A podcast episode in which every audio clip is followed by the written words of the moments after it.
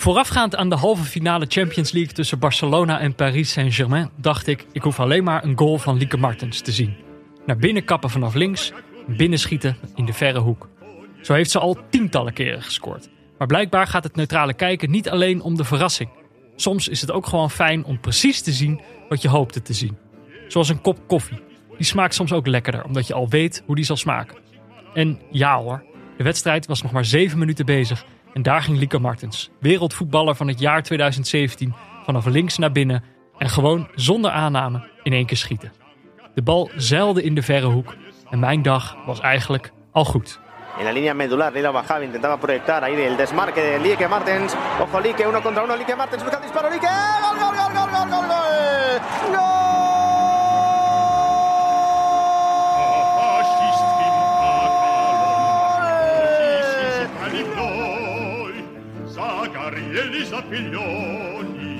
Pure mio cinti de Ja, Jordi? Ja, Peter.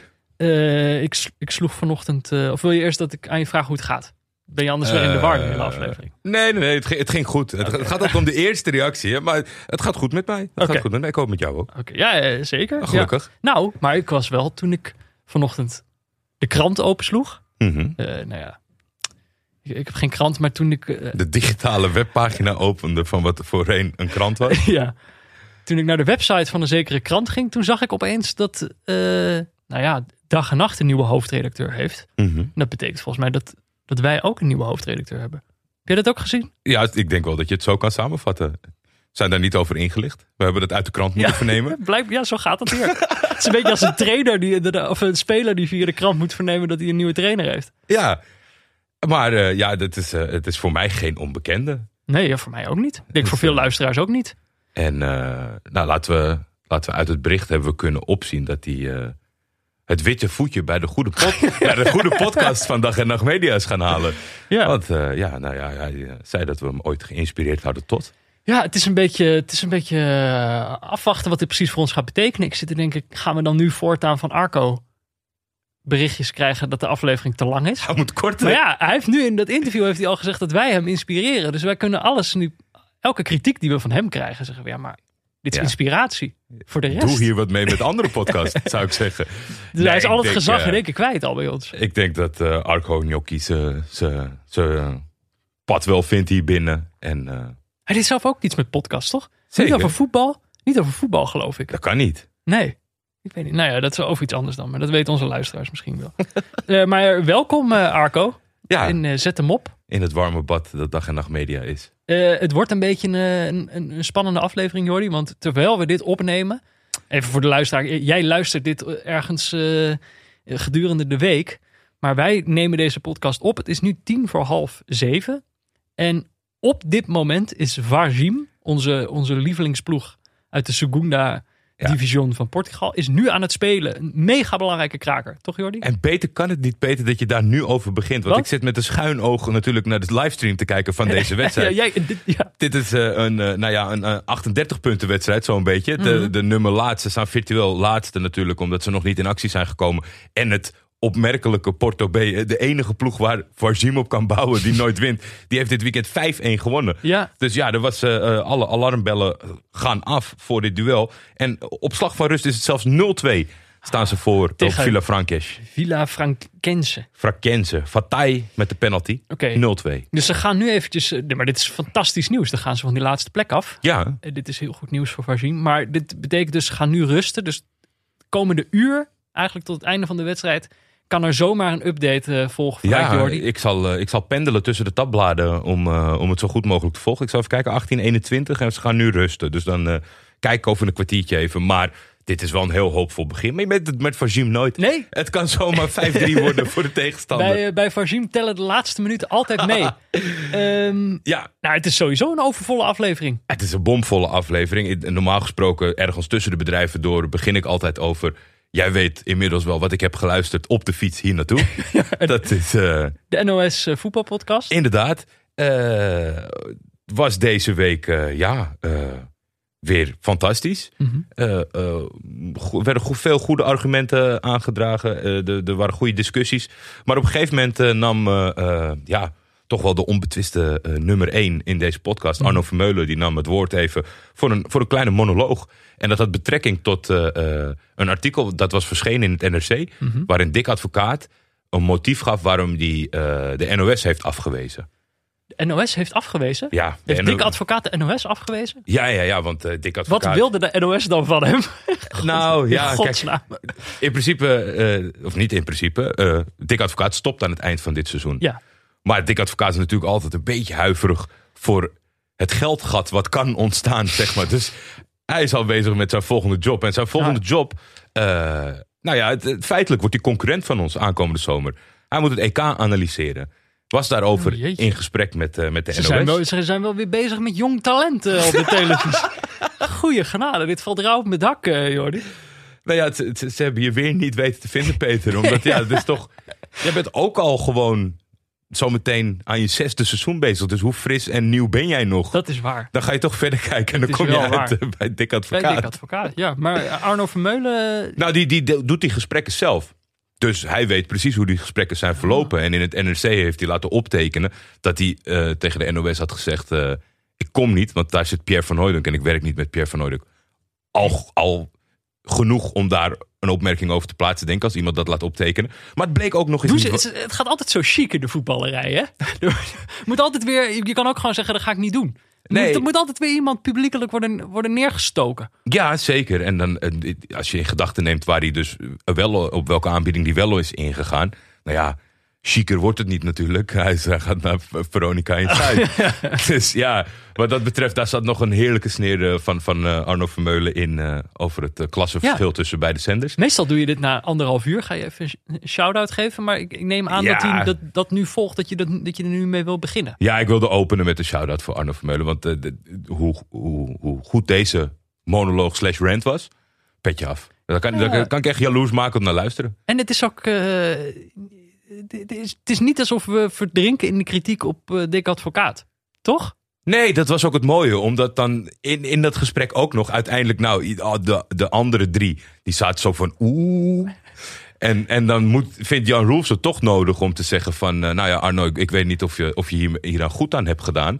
Je had ook even kunnen bellen en dit gewoon persoonlijk. En dan Ja. Gaat het natuurlijk Had natuurlijk over... ook gekund, ja. Had zeker gekund. maar ja, hij zei als je, dat, eh, als je het zelf laat optekenen. En het was ook nog een heftige sneer naar de krant. die niet even had opgebeld of het eh, waar was. Hm. Dus die had geen eh, eh, wederhoor gedaan. Maar ja, de, de, de, mantel der liefde bij Dick Advocaat. Nog even hebben we ermee te maken. Ik, ik, nu, er was een verliespartij tegen ADO nodig in dit medialandschap. Dat mensen dan toch een klein beetje kritisch begonnen Ja. te worden. Dus vandaag en gisteren was natuurlijk wel enigszins kritiek. Maar ja, het hele seizoen heeft iedereen braaf zijn mond gehouden. Maar eh, wat een aflevering nu al. Ja. We- eh, nu al begonnen met. We, we hebben een nieuwe hoofdredacteur. We hebben een shout-out gedaan naar Arno Vermeulen. En dan is het ook nog eens. Kijk, dit is natuurlijk onze laatste reguliere aflevering van dit seizoen 5. Van onze overeenkomst. Eh ja, Op papier zijn we, zijn we van onze misschien, verplichtingen af. misschien dat we. Ja, precies. Hierna gaan we misschien nog wat benefietwedstrijdjes spelen. Ehm, maar kijk, we hebben natuurlijk voor, voor, voor zo'n laatste reguliere aflevering. dan gaan we natuurlijk niet één wedstrijd kijken. We hebben er twee gekeken dit weekend. Want ja, we konden gewoon niet kiezen. Het was zo'n ge- geweldig eh, programma stond er. Nou ja, het, het, het leek wel alsof het een soort van op een presenteerblaadje voor ons was, eh, was gemaakt. Het waren eh, wedstrijden waarin een winnaar naar voren moest komen. Het waren twee wedstrijden aansluitend op elkaar op zondag vroeg. Ja. De eerste begon om 12 uur, de tweede om half twee. Dat was niet helemaal eh, praktisch gedaan, want daardoor gingen we een overlap krijgen in de wedstrijden. Ja, maar ook, daardoor had je ook gewoon geen enkele dode tijd tussen die twee wedstrijden in. Dat Nee, kan soms nee, de vibe ook een beetje killen. Is Het was gelijk gewoon een voetbalmarathon aan het begin van de zondag. De beste, beste moment voor het neutrale kijken hebben we dit seizoen wel vastgesteld. Ja, en we hebben in het verleden natuurlijk eh, eh, wel eens naar wedstrijden gekeken in het vrouwenvoetbal. Mhm. En dit seizoen nog niet. Dus alles, alles was perfect. Affiches waren goed. Ik was, eh, ik was ontzettend benieuwd wat, wat je tegenwoordig mag verwachten van de Vrouwen Champions League in de halve finale. Ja, want dat was inderdaad wat er op het programma stond. De halve finales van de Women's Champions League. En dat waren eh, Paris Saint-Germain tegen Barcelona. Ja. Andersom, moet ik zeggen. Eh, en Chelsea tegen Bayern. Eh, dat waren de twee halve finales en die hebben we allebei eh, zitten kijken. De uitgangsposities waren fantastisch. De, Paris had eh, thuis 1-1 gespeeld en Bayern had thuis 2-1 gewonnen. Ja, dus de wedstrijden waren ook zeker nog niet beslist. Allebei die wedstrijden waren ook wel redelijk, in ieder geval. Kijk, want ik heb ook die eerdere wedstrijden niet gezien. Op basis van, van de statistieken waren die ook behoorlijk eh, in balans. Mhm. Dus er viel nog genoeg om, om voor te spelen. Zeg maar niet dat er al één gedoodverfde winnaar klaar stond. En dat was natuurlijk eh, een mooie bijkomstigheid. Dat de gedoodverfde winnaar al veel eerder was uitgeschakeld. En de, alle vier, dat is Lyon. En alle vier de halve finalisten waarnaar we hebben zitten kijken. Die hebben nog nooit eerder het toernooi gewonnen. Nee. Dus we zouden, hoe dan ook, al deze ploegen hadden echt nog, weet je wel, er zat niet een soort gezapigheid in. Zoals Real Madrid, de, de mannen van Real Madrid, na drie keer winnen. Dat je- Dat je gewoon ook een beetje het gevoel krijgt van, nou is het niet zo bijzonder meer. Nee. Voor deze mensen was het allallemaal heel bijzonder. Nee, dat, was de, dat, dat straalde ook goed af, vond ik uiteindelijk. In de wedstrijden, eh, naast, eh, naast het veld, op het veld, eh, online. Daar heb ik misschien nog wel wat op- en aanmerkingen over. Maar ja, ik, ik, ik, ik was echt de, benieuwd. jij vindt de social media werknemer van de Women's Champions League, dank je erbij? Of wat, wat bedoel je met online? Nou ja, de, de, de, de clubs en, en ook wel de reuring binnen de mensen. Ik, ik, ik zocht, er zijn enkele prachtige momenten zijn er eh, eh, gebeurd, waar we het zo over gaan hebben. Mhm. Hoe daarop, daar werd niet zo massaal op gereageerd. Bij Barcelona-Paris meer dan bij het tweede duel. Maar ook gewoon, je kan het je gewoon niet voorstellen. Ik ging kijken bij de mannen social media. Mhm. Van, gaan ze hier een berichtje over plaatsen? Nou, moet complimenten geven voor Barcelona. Die had eh, zelf een tweet. Zo, hey, op hun 36 miljoen volgers één tweetje gedaan. En eh, de Barça Femini account eh, een paar keer geretweet. En dat zag ik bij tegenstander Paris Saint-Germain ook. Oké. Toen dacht ik van, nou, dat, dat gaat de goede kant op. Als je kijkt naar het volgersaantallen, dan... f- Barcelona 36 miljoen tegen, volgens mij, die, die vrouwen hadden had drie ton. Maar en Chelsea... En dan kunnen de vrouwen niet naar de mannen kijken, want die doen het zelf ook niet. Chelsea gewoon niks. Ze hebben een vrouwenaccount, officieel. Dat heeft niks over de wedstrijd getweet. Ook gedurende de wedstrijd niet. En de mannen ook niet. Oh, maar is dat omdat, zou dat niet zijn omdat ze in Engeland die social media blackout Oh, hebben? Dat die, eh, shit. Ja, Oh. goed dat ik dit zelf nog even, even Ik- live zat er- fact check. Ik zat, me, ik, ik zat me helemaal op te vreten. Ik denk, hoe Nou kan ja, dat nou? ik- Maar ja, misschien... Nou er waren ook wel andere berichten. Ja. van een uur geleden bijvoorbeeld. En dat soort Hmm. dingen. Dus dat kan eigenlijk helemaal niet. Nee, dus ik heb wel gelijk. Ik heb wel Oké, gelijk. nou gelukkig. Er waren wel andere tweets, maar dus daar, daar valt wel wat winst te behalen, Maar zeg dit, maar. is- dit is natuurlijk sowieso een beetje de spanning als het gaat om vrouwenvoetbal. Dat, eh, en dat, ik bedoel, dat geldt ook voor onszelf. Je, je gaat het ook niet. je- wanneer ga je nou kijken? Dus eigenlijk het enige wat je over het algemeen meekrijgt over het vrouwenvoetbal is eh, constant het verhaal dat het echt aan het groeien is. En eh, dat is nu rond die Women's Champions League was dat ook het verhaal van volgend seizoen gaan ze het hervormen en uitbreiden. Dan wordt er meer geld ingepompt en dat geld wordt dan als het goed is. Maar ja, daar wordt het dan ook weer verspreid door, door alle, alle deelnemende landen. Dus dat moet dan echt zo'n enorme boost worden voor het vrouwenvoetbal. Maar dit is vaak de manier waarop er over vrouwenvoetbal gesproken wordt. Zoveel mensen hebben ernaar gekeken. Het hele stadion zat vol. Je hoort altijd die cijfers voorbij komen. Maar als je net zoals wij eigenlijk nooit kijkt, dan blijf je met die vraag zitten van is het dan eigenlijk wel leuk om, eh, om naar te kijken? Ja. Dus dat was eigenlijk ook dit was denk ik het perfecte moment om die proef op de som te gaan nemen. Namelijk, je ziet gewoon de vier beste ploegen. Nou ja, in ieder geval in dit toernooi eh, van Europa. Eh, en nou ja, dat was eigenlijk de vraag waarmee ik ging kijken. Gewoon, hoe gaat het op het veld? Ja. Alles daaromheen. Ik bedoel dat er te weinig aandacht voor is en zo. Ik bedoel dat het te weinig serieus genomen wordt. Ja, dat, dat vind ik allemaal wel. Maar ik vind het ook wel eens fijn om dan gewoon zo'n wedstrijd te kijken en te, en- en te zien hoe leuk dat eigenlijk is. Ja, zeker. Wij hebben natuurlijk in het verleden een, een goede ervaring gehad. Ik heb eh, veelvuldig toen gekeken naar het WK. En het EK Ja, ook wel. Dat geldt voor de meeste mensen. Ja. ja. Maar ja, da- daar was dan altijd, eh, zeg maar, eh, eh, de tendens bij de grootste groep is natuurlijk van, die geven het geen kans. En ik heb het een paar keer dan nu echt de kans gegeven. Ja, een beetje 50-50, maar ik ben natuurlijk ook heel kritisch eh, op, eh, op het entertainment value van het mannenvoetbal. Dus dat is, al, dat is al lastig. Maar er waren best wel nog dingetjes, als je al die wedstrijden op zo'n WK kijkt, dat je denkt van ja, het is toch wel moeilijk, eh, eh, moeilijk kijkbaar soms. Met bepaalde dingen waar ik ook wel eens discussies mee over gehad, die gewoon inhoudelijk eh, eh, heel goed waren. Over eh, bijvoorbeeld de afmetingen van het doel, de afmetingen van het veld. Weet je, waarmee het iets zou kunnen eh, aantrekkelijker maken. Ik heb altijd bij die vrouwenvoetbalwedstrijden heb ik toch altijd het idee dat de keeper er niet heel veel van bakt. Maar ja, fysiek eh, zitten daar ook eh, wat, wat, wat redenaties achter. Mhm. Maar ik was, ik was heel erg benieuwd wat we voorgeschoteld zouden krijgen. Ja. En we hadden natuurlijk ook wat context nodig. Want we vallen zomaar binnen als de successupporters. Ja, ja, precies. Als de halve finale begint, dan zijn wij er opeens als de kippen bij. Ah, we gaan allebei de halve finales kijken. Ja. En dan gaan we wel eens even kijken hoe leuk we dit vinden. Maar wij zijn natuurlijk gewoon leken. Absoluut. En ja, er zijn een paar eh, experts in Nederland. En eh één, ja, de- toch wel de, de voorop staat eh Leone Stentler. Dus daar konden wij even aan vragen van eh Leone. Waar gaan we eigenlijk naar kijken? Wat, wat is het verhaal van deze potjes? Nou, kom er maar in, eh Leonne. Dit jaar Champions League staat vooral in het teken van de vroege uit- uitschakeling van Olympique. Ehm, in de kwartfinale werd eigenlijk vanwege een hele grote corona-uitbraak bij Olympique eh, de recordkampioen uitgeschakeld door Paris Saint-Germain, uiteraard. Ehm, ook de Nederlandse clubs zijn al uitgeschakeld. En dat zijn wel door behoorlijk grote clubs. Dat zijn eh, Barcelona en Bayern München, die natuurlijk nu ook in de halve finale staan. Dat is niet voor het eerst. Vorig jaar stond bijvoorbeeld Wolfsburg in die finale. En dat was de tegenstander van FC Twente. Dus Nederlandse clubs hebben het best wel zwaar in de loting. Ieder jaar weer. Ehm, als we kijken naar de halve, halve finales. eh, Paris Saint-Germain tegen Barcelona. Dat is in de heenwedstrijd 1-1 geworden. En Bayern München in de heenwedstrijd tegen Chelsea werd 2-1 voor Bayern München. Dan denk ik dat eh, Barcelona wel echt favoriet is. Die zijn echt al een aantal jaren bezig met, een, eh, met maar één doel. En dat is de Champions League winnen. En dit seizoen is een bizar seizoen. Ze zijn bezig met een, met een winning streak in de, in de competitie. Dat is niet normaal. Ehm, Natuurlijk, eh Lieke Martens de grote ster. Maar dit seizoen, juist omdat Lieke niet zoveel gespeeld heeft, vaak last van eh, wat, wat kleine blessures, zijn degenen die het verschil maken vooral eh, Hermoso en, en Puteas. Ehm, dus daar zou ik vooral ook op letten. Eh, het zou natuurlijk super vet worden als, eh als eh, Lieke Martens en Linette Berenstein in de finale staan tegen elkaar. Linette Berenstein natuurlijk bij Bayern München. Ehm, maar ik ben bang dat Chelsea eh, de favoriet is hierin. Ondanks dat ze 2 en achter staan, was Chelsea wel de betere partij tegen Bayern. En Chelsea thuis is wel een ander, ander verhaal. Eh daarin wisten ze dit seizoen ook Atletico Madrid echt makkelijk te verslaan. En verzekerden zichzelf een plek in de kwartfinale toen.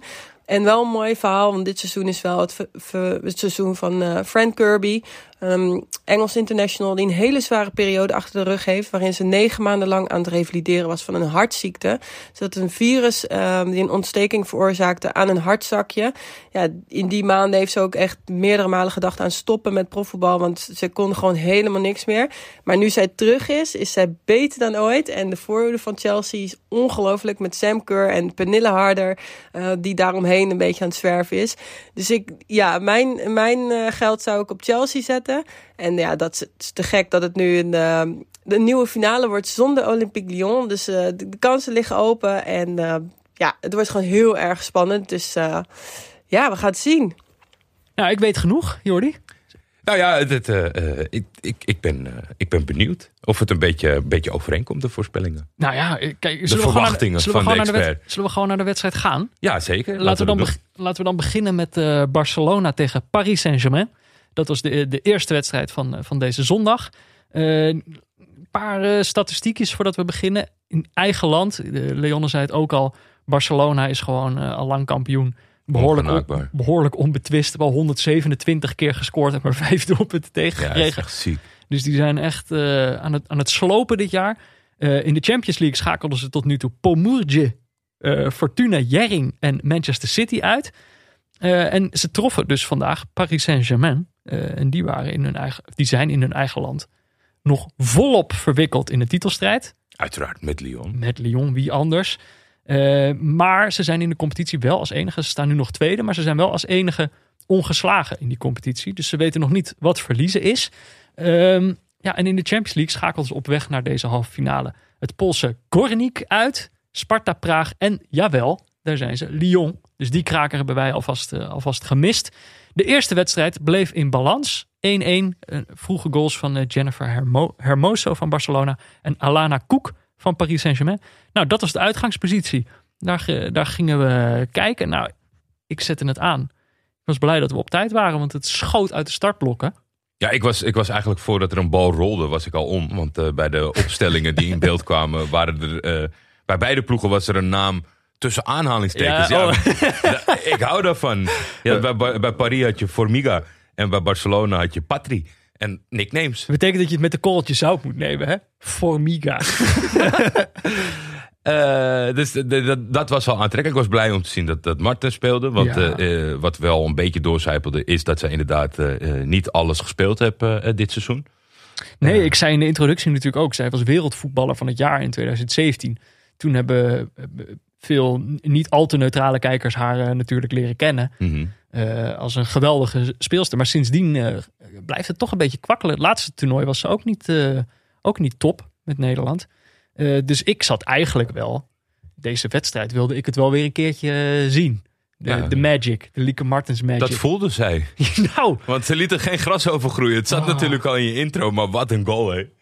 Ja, gewoon. En, maar eh, ik vond het ook zo grappig dat dit gewoon precies de goal is zoals je hem voorstelt. Ja. Dus van tevoren dacht ik, oh leuk, dan gaan we Lieke Martens weer een keer zien. En ik dacht gewoon, nou, ik hoop dat ze dan gewoon vanaf links naar binnen kapt en hem binnen draait. Nou, ze kapte dus eigenlijk niet eens. Nee, het was niet nodig. Het was zo'n perfecte paas en een goede aanname. Dat, eh, eh, ja, nou ja, eh, aanname. Eh, het was redelijk eh, direct. Het was gewoon een perfecte assist. Die eh, op technische gave wijze werd afgewerkt door Lieke. Geweldig. Zo'n Zeven minuten waren we er toen pas bezig en toen stond het al, eh, al 1-0.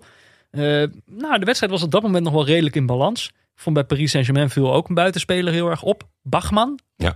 Die, eh, verschrikkelijk snel. Dat was, eigenlijk bij Paris Saint-Germain was dat de enige speler waarvan ik dacht... oh, die is ook echt wakker of zo naar die eerste goal.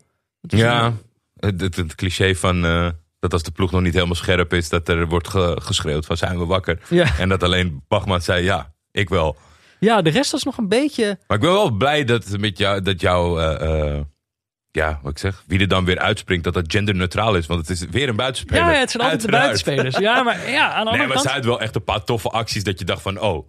Ja, gewoon razendsnel en heel Ja. goed in, eh, in dribbelen. Ja, dat had ik aan de, aan de andere kant. De commentatoren die waren groot fan en die hadden grote verwachtingen van Baltimore. De linksbuiten.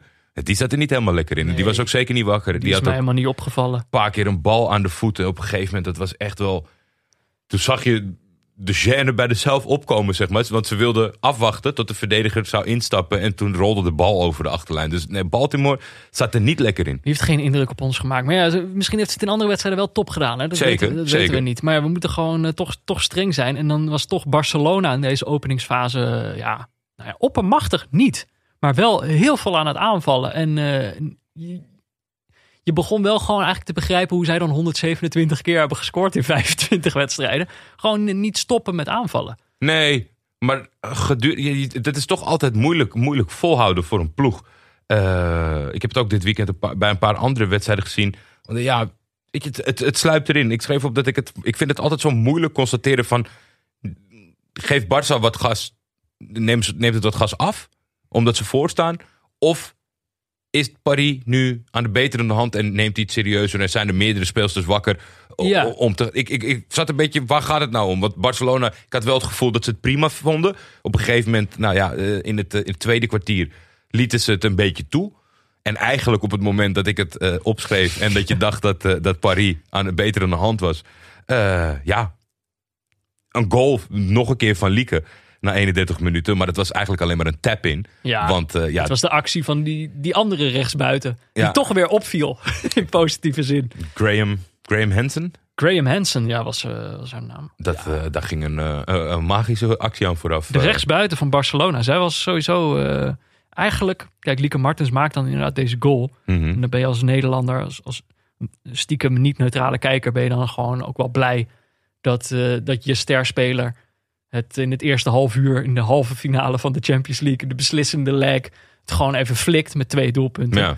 Maar ja, die Graham Hansen was eigenlijk de meest onstuitbare in dat, in dat elftal. ja, alles, het heeft alles aan haar kant ging goed. En het was hier eigenlijk ook bij deze goal. Want het is, ja, je moet hem maar even opzoeken. Eh, het is zo'n voorzet die eigenlijk vlak, vlak voor de goal langs gaat.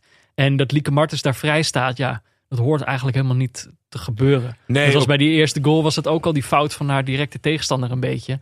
Die was gewoon, als je het dan hebt over wakker zijn. Lawrence, de rechtsback van Paris Saint-Germain, dus de directe tegenstander van Lieke Martens, ja, die was niet helemaal wakker. Nee, die was niet helemaal wakker. Maar het- ik moet wel zeggen, de voorzet was zo puntgaaf. Dat, dat je, ik, ik had het idee dat de centrale verdediger die nog probeerde voor Lieke Martens in te glijden. Dat hij, voordat hij bij haar zou belanden. Ja. Dat hij zo het zegt, ja, ik kan hem nu aanraken, maar dan maak ik eigen goal. Gun ik hem wel aan Lieke. Want hij was net genoeg ver van de keeper af. En net niet dichtbij genoeg voor de verdediger. Ja. En ja, dan ben je toch wel bijna zeker. Kijk, Sven van Beek die ramt hem erin. laat, laat, laat daar geen... eh, eh, Ja, oké, het was niet alleen Lawrence's schuld, is eigenlijk wat jij zegt. Nee, nee, vond ik niet. Vond ik niet. Ik vond echt, echt, de- die actie was mooi, maar dan als je zo'n een paas in de been hebt, en dat was ook wel, toch wel wat ik vond eh, in het geheel, dat het, het, het niveau van het gestroomlijnde voetbal mij zeer aanstond. Ik, ik, ik, ik, ik, zag wel eh, progressie in alles. Tempo was gewoon heel hoog. Ja, En eh, inderdaad gewoon... eh, ook balvaardigheid. Ten ja, opzichte van het, het, gros wat ik heb gezien. Ja, maar was het, verschil, denk, was het verschil niet ook gewoon intentie? Zeker zeg maar, in zo'n spannende wedstrijd zie je toch vaak gebeuren dat een ploeg een beetje gaat breien. Dat ze denken van als we die bal even in bezit houden, misschien dat we die zenuwen dan kwijtraken of zo. Ja, Terwijl de, de remedie tegen de zenuwen van deze twee ploegen was gewoon keihard naar voren gaan. ja. Maar wel met verzorgd eh, voetbal. Maar kijk, Lieke Martens maakt die 2-0. Deze beschrijving duurde langer dan de vo- dubbele voorsprong van Barcelona. Want eh, twee Ja, minuten later. Maar nee, maar zij zit, ik wilde nog even benoemen dat na Oh. die tweede goal van Lieke Martens, hoe zij juichen, je proeft een beetje daaraan dat zij op dat moment zelf denken bij Barcelona, we zijn er. En eh geef ze eens ongelijk. Eh, Ja. Want je maakt gewoon, eh, je maakt gewoon 2-0. Eh, dan ben je ook wel heel dichtbij. Maar ik had het gevoel toen dus twee minuten later die tegengoal viel, dat Paris Saint-Germain iets terugdeed, dat ik wel dacht dat heeft er iets mee te maken. Ze dachten toch heel eventjes dat ze er al waren. En precies in die fase maakt Paris Saint-Germain profiteert daarvan. Ja, nee, die profiteert voornamelijk van, eh, van dramatisch verdediging. Eh, De, de, zijn corner, die, die, die krijgen ze niet weggewerkt. eh, eh, drie, vier man eromheen. Net niet, net wel, net niet, net wel. En dan heb je daar in de spits met de prachtige naam Marie-Antoinette Katoto. Ja, Die tikt hem van dichtbij binnen. en en dan is het eh, 2-1. Ja, nou, dat was eigenlijk. En ik moest me constant mezelf beschermen om di- tegen dit soort gedachten tijdens zo'n wedstrijd. Want ik dacht, na de vroege goal van Barcelona, dacht ik. Oh, dat is fijn, want nou moet eh, Paris Saint-Germain komen. Is goed voor de neutrale kijker. Ja. Je hebt als neutrale kijker ook altijd, in ieder geval ik, altijd de neiging om het, zeg maar, het scoreverloop op de meest positieve manier voor jezelf uit te leggen. Ja. Terwijl, ja, in de praktijk hebben wij vaak genoeg gezien dat het, eh, dat het niet zo loopt. En dus bij deze 2-1 dacht ik, ja, dit is al helemaal uitstekend. Want als Paris Saint-Germain er nog eentje maakt, dan, eh, dan zijn ze er. Zeg maar. Dus Barcelona is, is echt nog niet veilig. Nee. En eh, Barcelona heeft daarom ook genoeg reden om zelf nog op zoek te gaan naar die goal. Dus dat het gewoon echt spannend eh, blijft. Dit, was, dit hoopte ik heel erg na die, na die 2-1. Eh, maar toen gingen we eerst even rusten. Trouwens, jij zegt eh, lopen, lopen ze te kloten in de verdediging bij, bij Barcelona, bij die 2-1. Maar de assist voor deze goal van Marie-Antoinette Katoto was ook van Lieke Martens.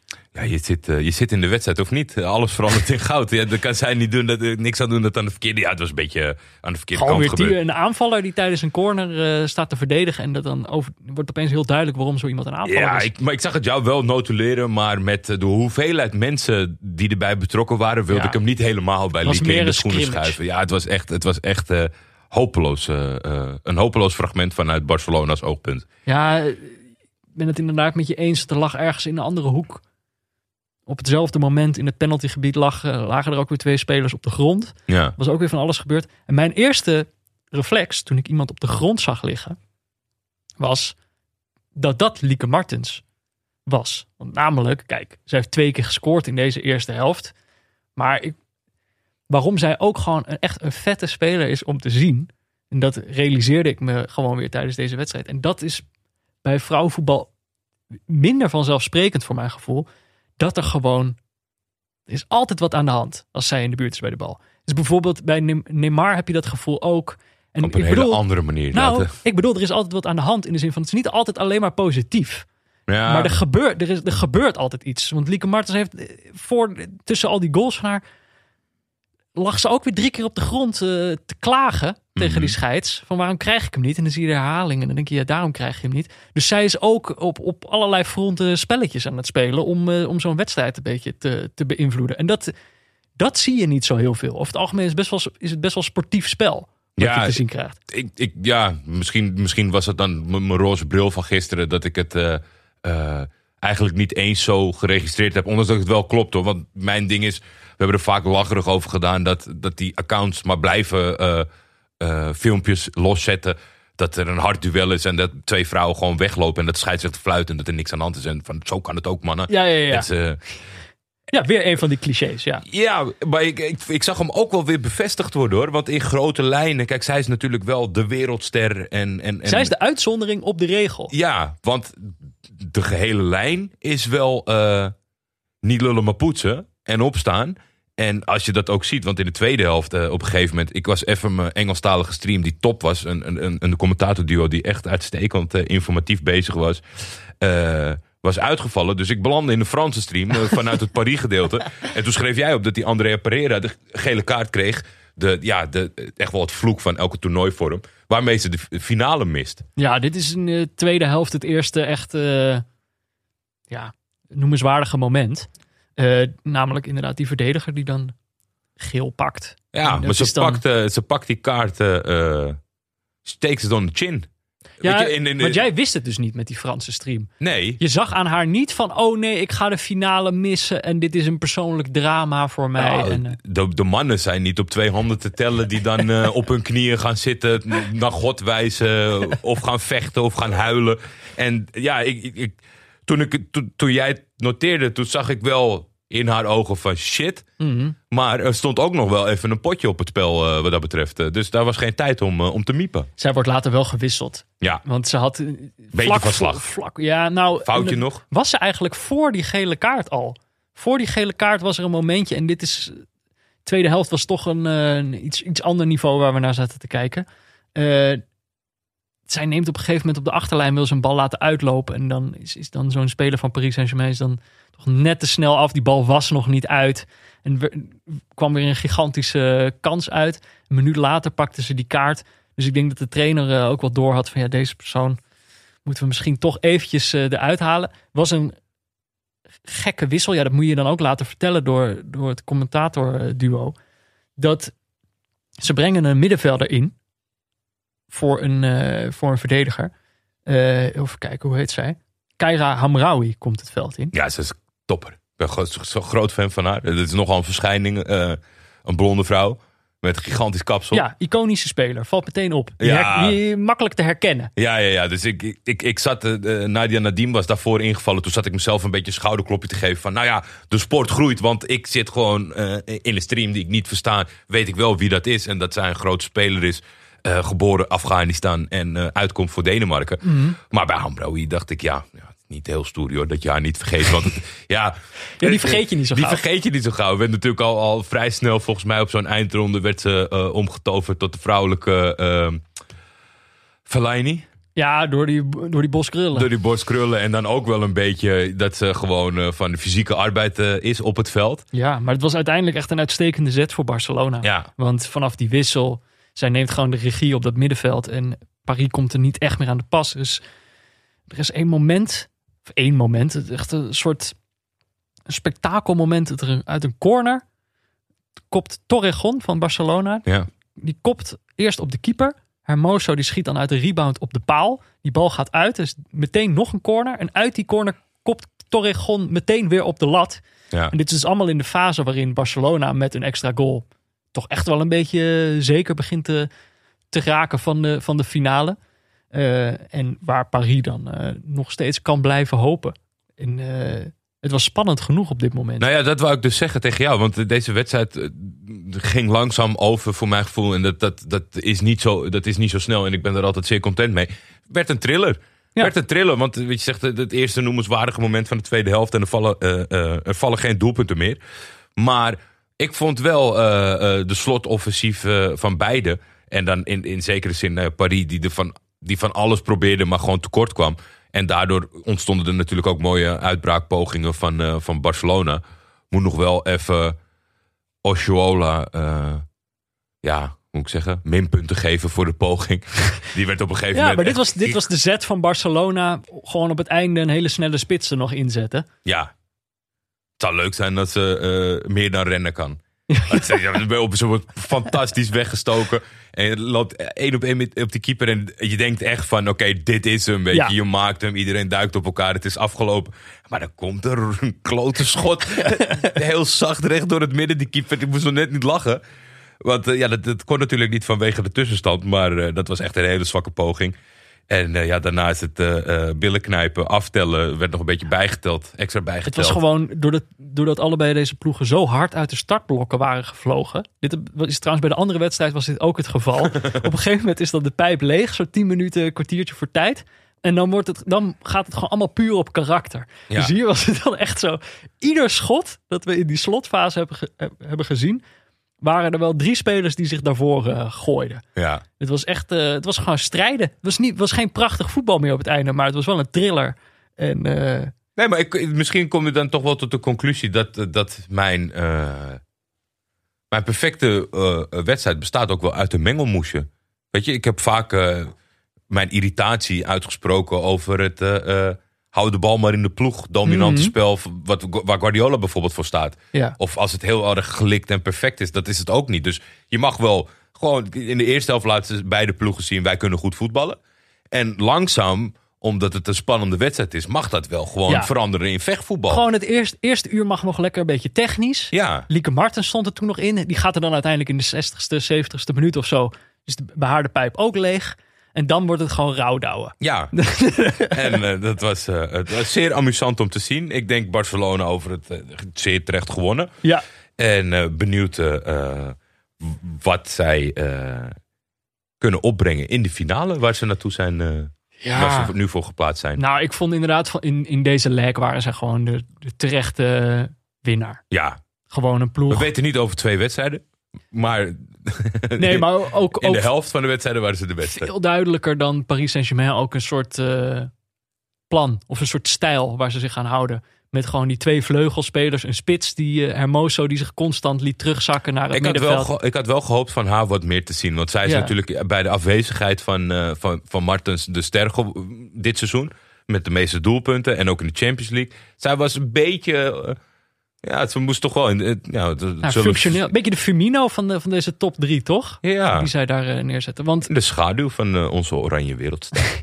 nou ja, het was wel volgens mij iedere keer doordat zij zich dan, zeg maar, Ja, in het dienst terugtrekt, komt er een gat waar Lieke Martens op dat moment induikt. Maar wat ik bedoel is, bij Paris Saint-Germain heb ik het plan niet zo duidelijk kunnen, kunnen ontdekken.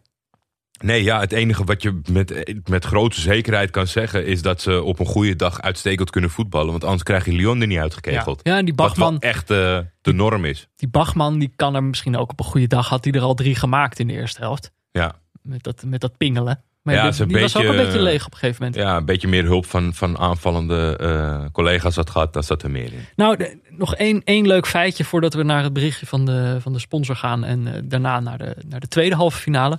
Er kwam op een gegeven moment viel eh, Jordan Huytema viel nog in. eh, bij, eh, aan de kant van de Paris Saint-Germain.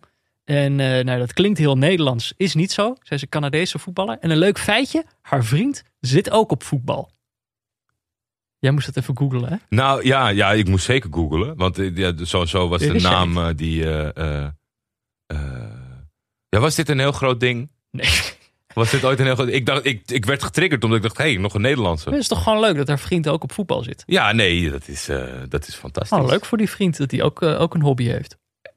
Ik, de, tijd, de tijd is voorbij gevlogen, want ik ben gewoon verzuimd om eh, even naar het tapje om te gaan. Dus daarom schrok ik, daarom kon ik niet reageren op jouw feitje. Voordat we naar het bericht van de rust gaan, uh, voor Villa- update. Ja, Vazim, eh 1-2. Half uurtje te gaan nog. Billen knijpen. Nou, eerst even naar een berichtje van onze sponsor en dan gaan we naar de tweede halve finale.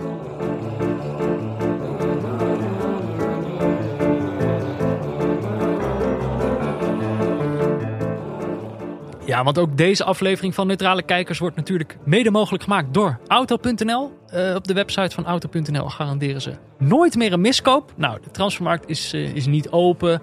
Die gaat wel bijna weer open. Maar eigenlijk, en dat hebben we al, al vaak genoeg gezien de afgelopen weken. Nu worden eigenlijk toch al wel, nu maken spelers bekend van ik, eh, ik ga vertrekken. Of ik plak er nog een seizoentje aan vast. Of ze maken alvast bekend naar welke ploeg ze volgend seizoen gaan vertrekken. Zeer vergelijkbaar met de branche van onze sponsor uiteraard. Want daar is ook, eh, je, je gaat er naartoe, je gaat eh, kijken, eh, je kiest wielen, je kiest een kleur. Je doet het niet in één dag. Nee, nou ja, dat, dat, dat proces misschien niet eens. Maar daarna, omdat je zo'n aparte wensenlijst hebt ten opzichte van wat ze op voorraad hebben, moet je even wachten op de levering. En nou ja, in het voetbal kregen we deze week kregen we een berichtje van eh, Maarten van Hogevest. Die eh, stuurde deze aan ons door, deze transfer. Eh, die is beklonken. Het, gaat namelijk om Bart Nieuwkoop. Ja, Die is voor veel mensen denk ik bekend als voetballer van Feyenoord. dat hoop ik. Maar die is vanaf volgend seizoen is die voetballer van Union Saint-Gilloise. Kan Bart Nieuwkoop Zwanzen? Ja, nou, dat, dat gaan we zien volgend seizoen. Ja, hij gaat de Zwanse derby niet spelen, want Union hebben wij meegemaakt. We hebben de kampioenswedstrijd gekeken dit seizoen. Gaan natuurlijk naar de hoogste divisie. RWDM blijft achter in eh, tweede klas. Maar eh, ja, is het. eh, kijk, we moeten ons, wat wij ons dan altijd afvragen: is het toppie of floppy, deze transfer? Wat denk jij, Bart Nieuwkoop? Toppie. 25 jaar. Ik denk toppie. Ik denk zo'n jongen, nou, weet je, dat is. het is een.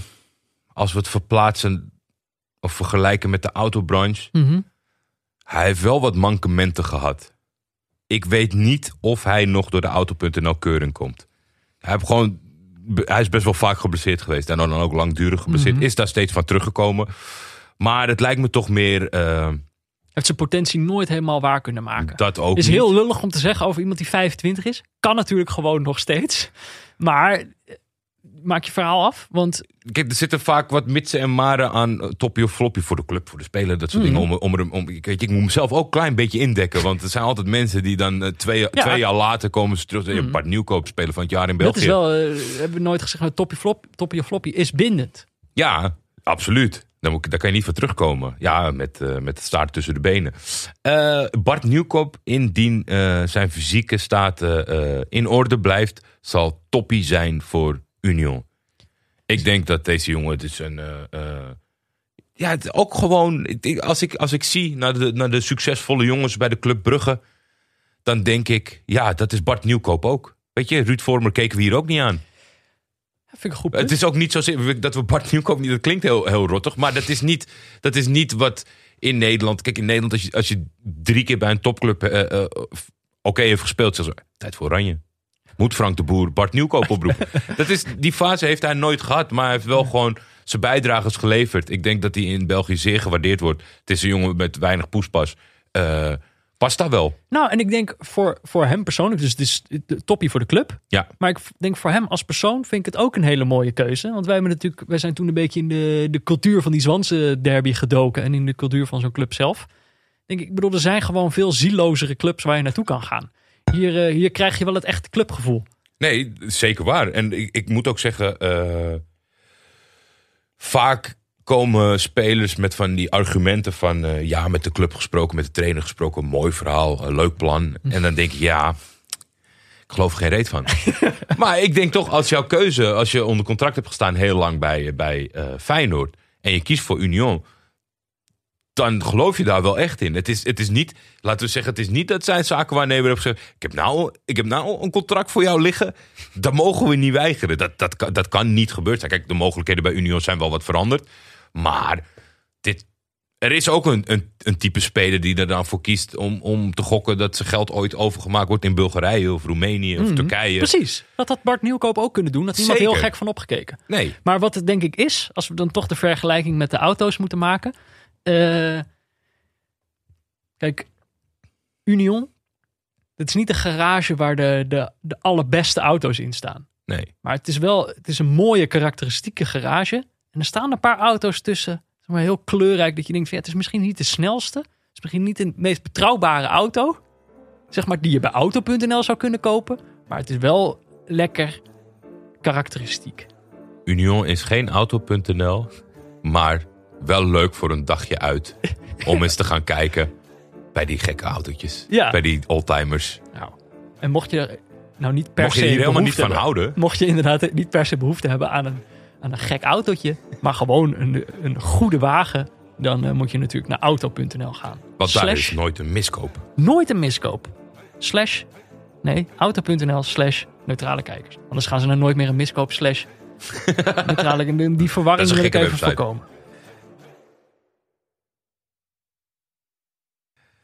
Oké Jordi, we moeten snel door. We hebben een eh, tweede wedstrijd op het programma staan. De andere halve finale. De, de- deze twee ploegen, Chelsea en Bayern, die moeten eigenlijk gaan uitmaken wie het in de finale in Göteborg, dat is die finale, mag gaan opnemen eh, tegen Barcelona.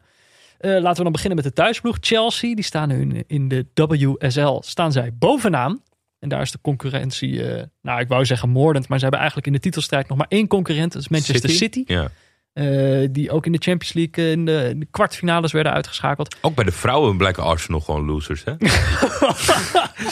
Ja, nou dat is Ja, maar dat is toch de, de Nederlandse club. Donk, eh Danielle van der Donk zit daar. Ja. Miedema is het, verbreekt het ene record naar het andere. Maar ja, Arsenal blijft Arsenal. Of je man of vrouw bent.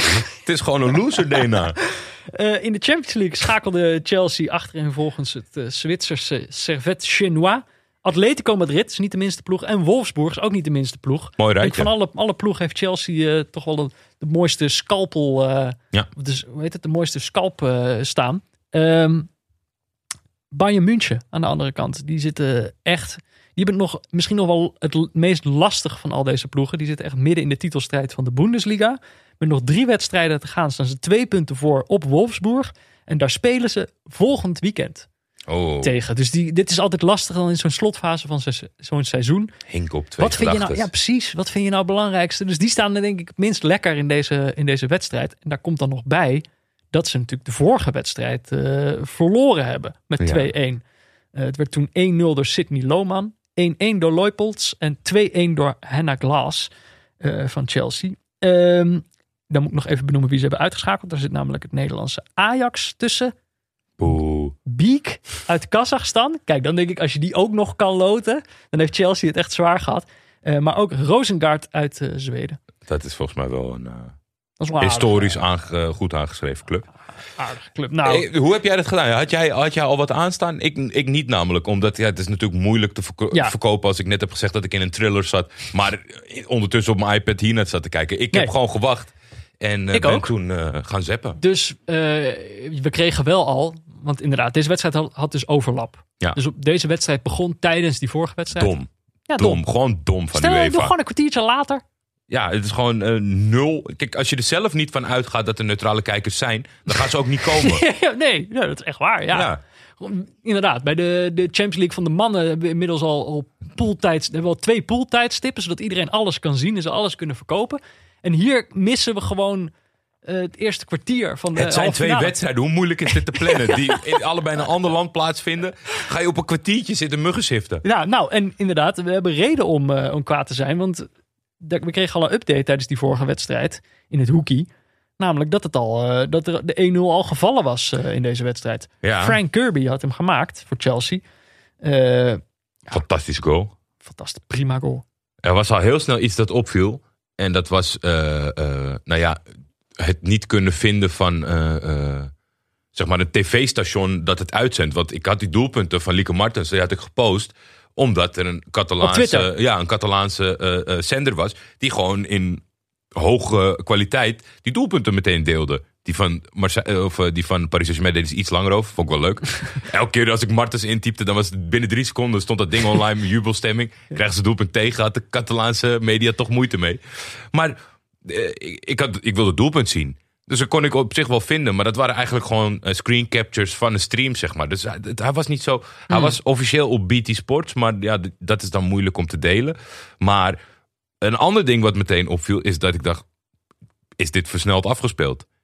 Ja, kwam Dit al- was gek, hè? Ja, was, eh, want het, die eerste wedstrijd was een beetje... Ik denk het verschil was misschien de camerahoeken. Ja, de eerste was klassiek. Gewoon van boven, ver. Ja, heel ver van boven. Hadden ze gewoon denk ik ook gewoon niet zoveel camera's. Waardoor je dan gewoon eentje moet hebben die eigenlijk alles eh, in ieder geval kan filmen. Bij Barcelona in het eh, Johan Cruijff stadion hadden ze zo hoog eh, bovenop een camera gezet.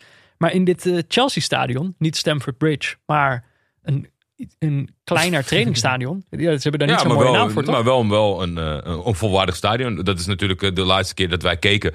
Was het Barcelona dat eh, op een eh, Ja, was een trainingsveld. met kleurenlijnen getrokken trainingsveld kunstgras eh, moest optreden. En dit was allebei een stadion. Dit zal, ik, ik, de naam een luisteraar zal het vast weten. Ja, maar jij zegt dat het leek alsof het versneld afgespeeld was. En dat, ik dacht, het, misschien heeft het ermee te maken. Want deze camerahoek was namelijk gewoon veel lager. Ja, het deed me denken, aan, dichter op de het deed me denken aan Highbury. Ja, Het, hij stond echt kort op het veld en een beetje van de, zijkant aangesneden. Maar ja, de snelheid de- het was misschien eerlijker nog in dat duel.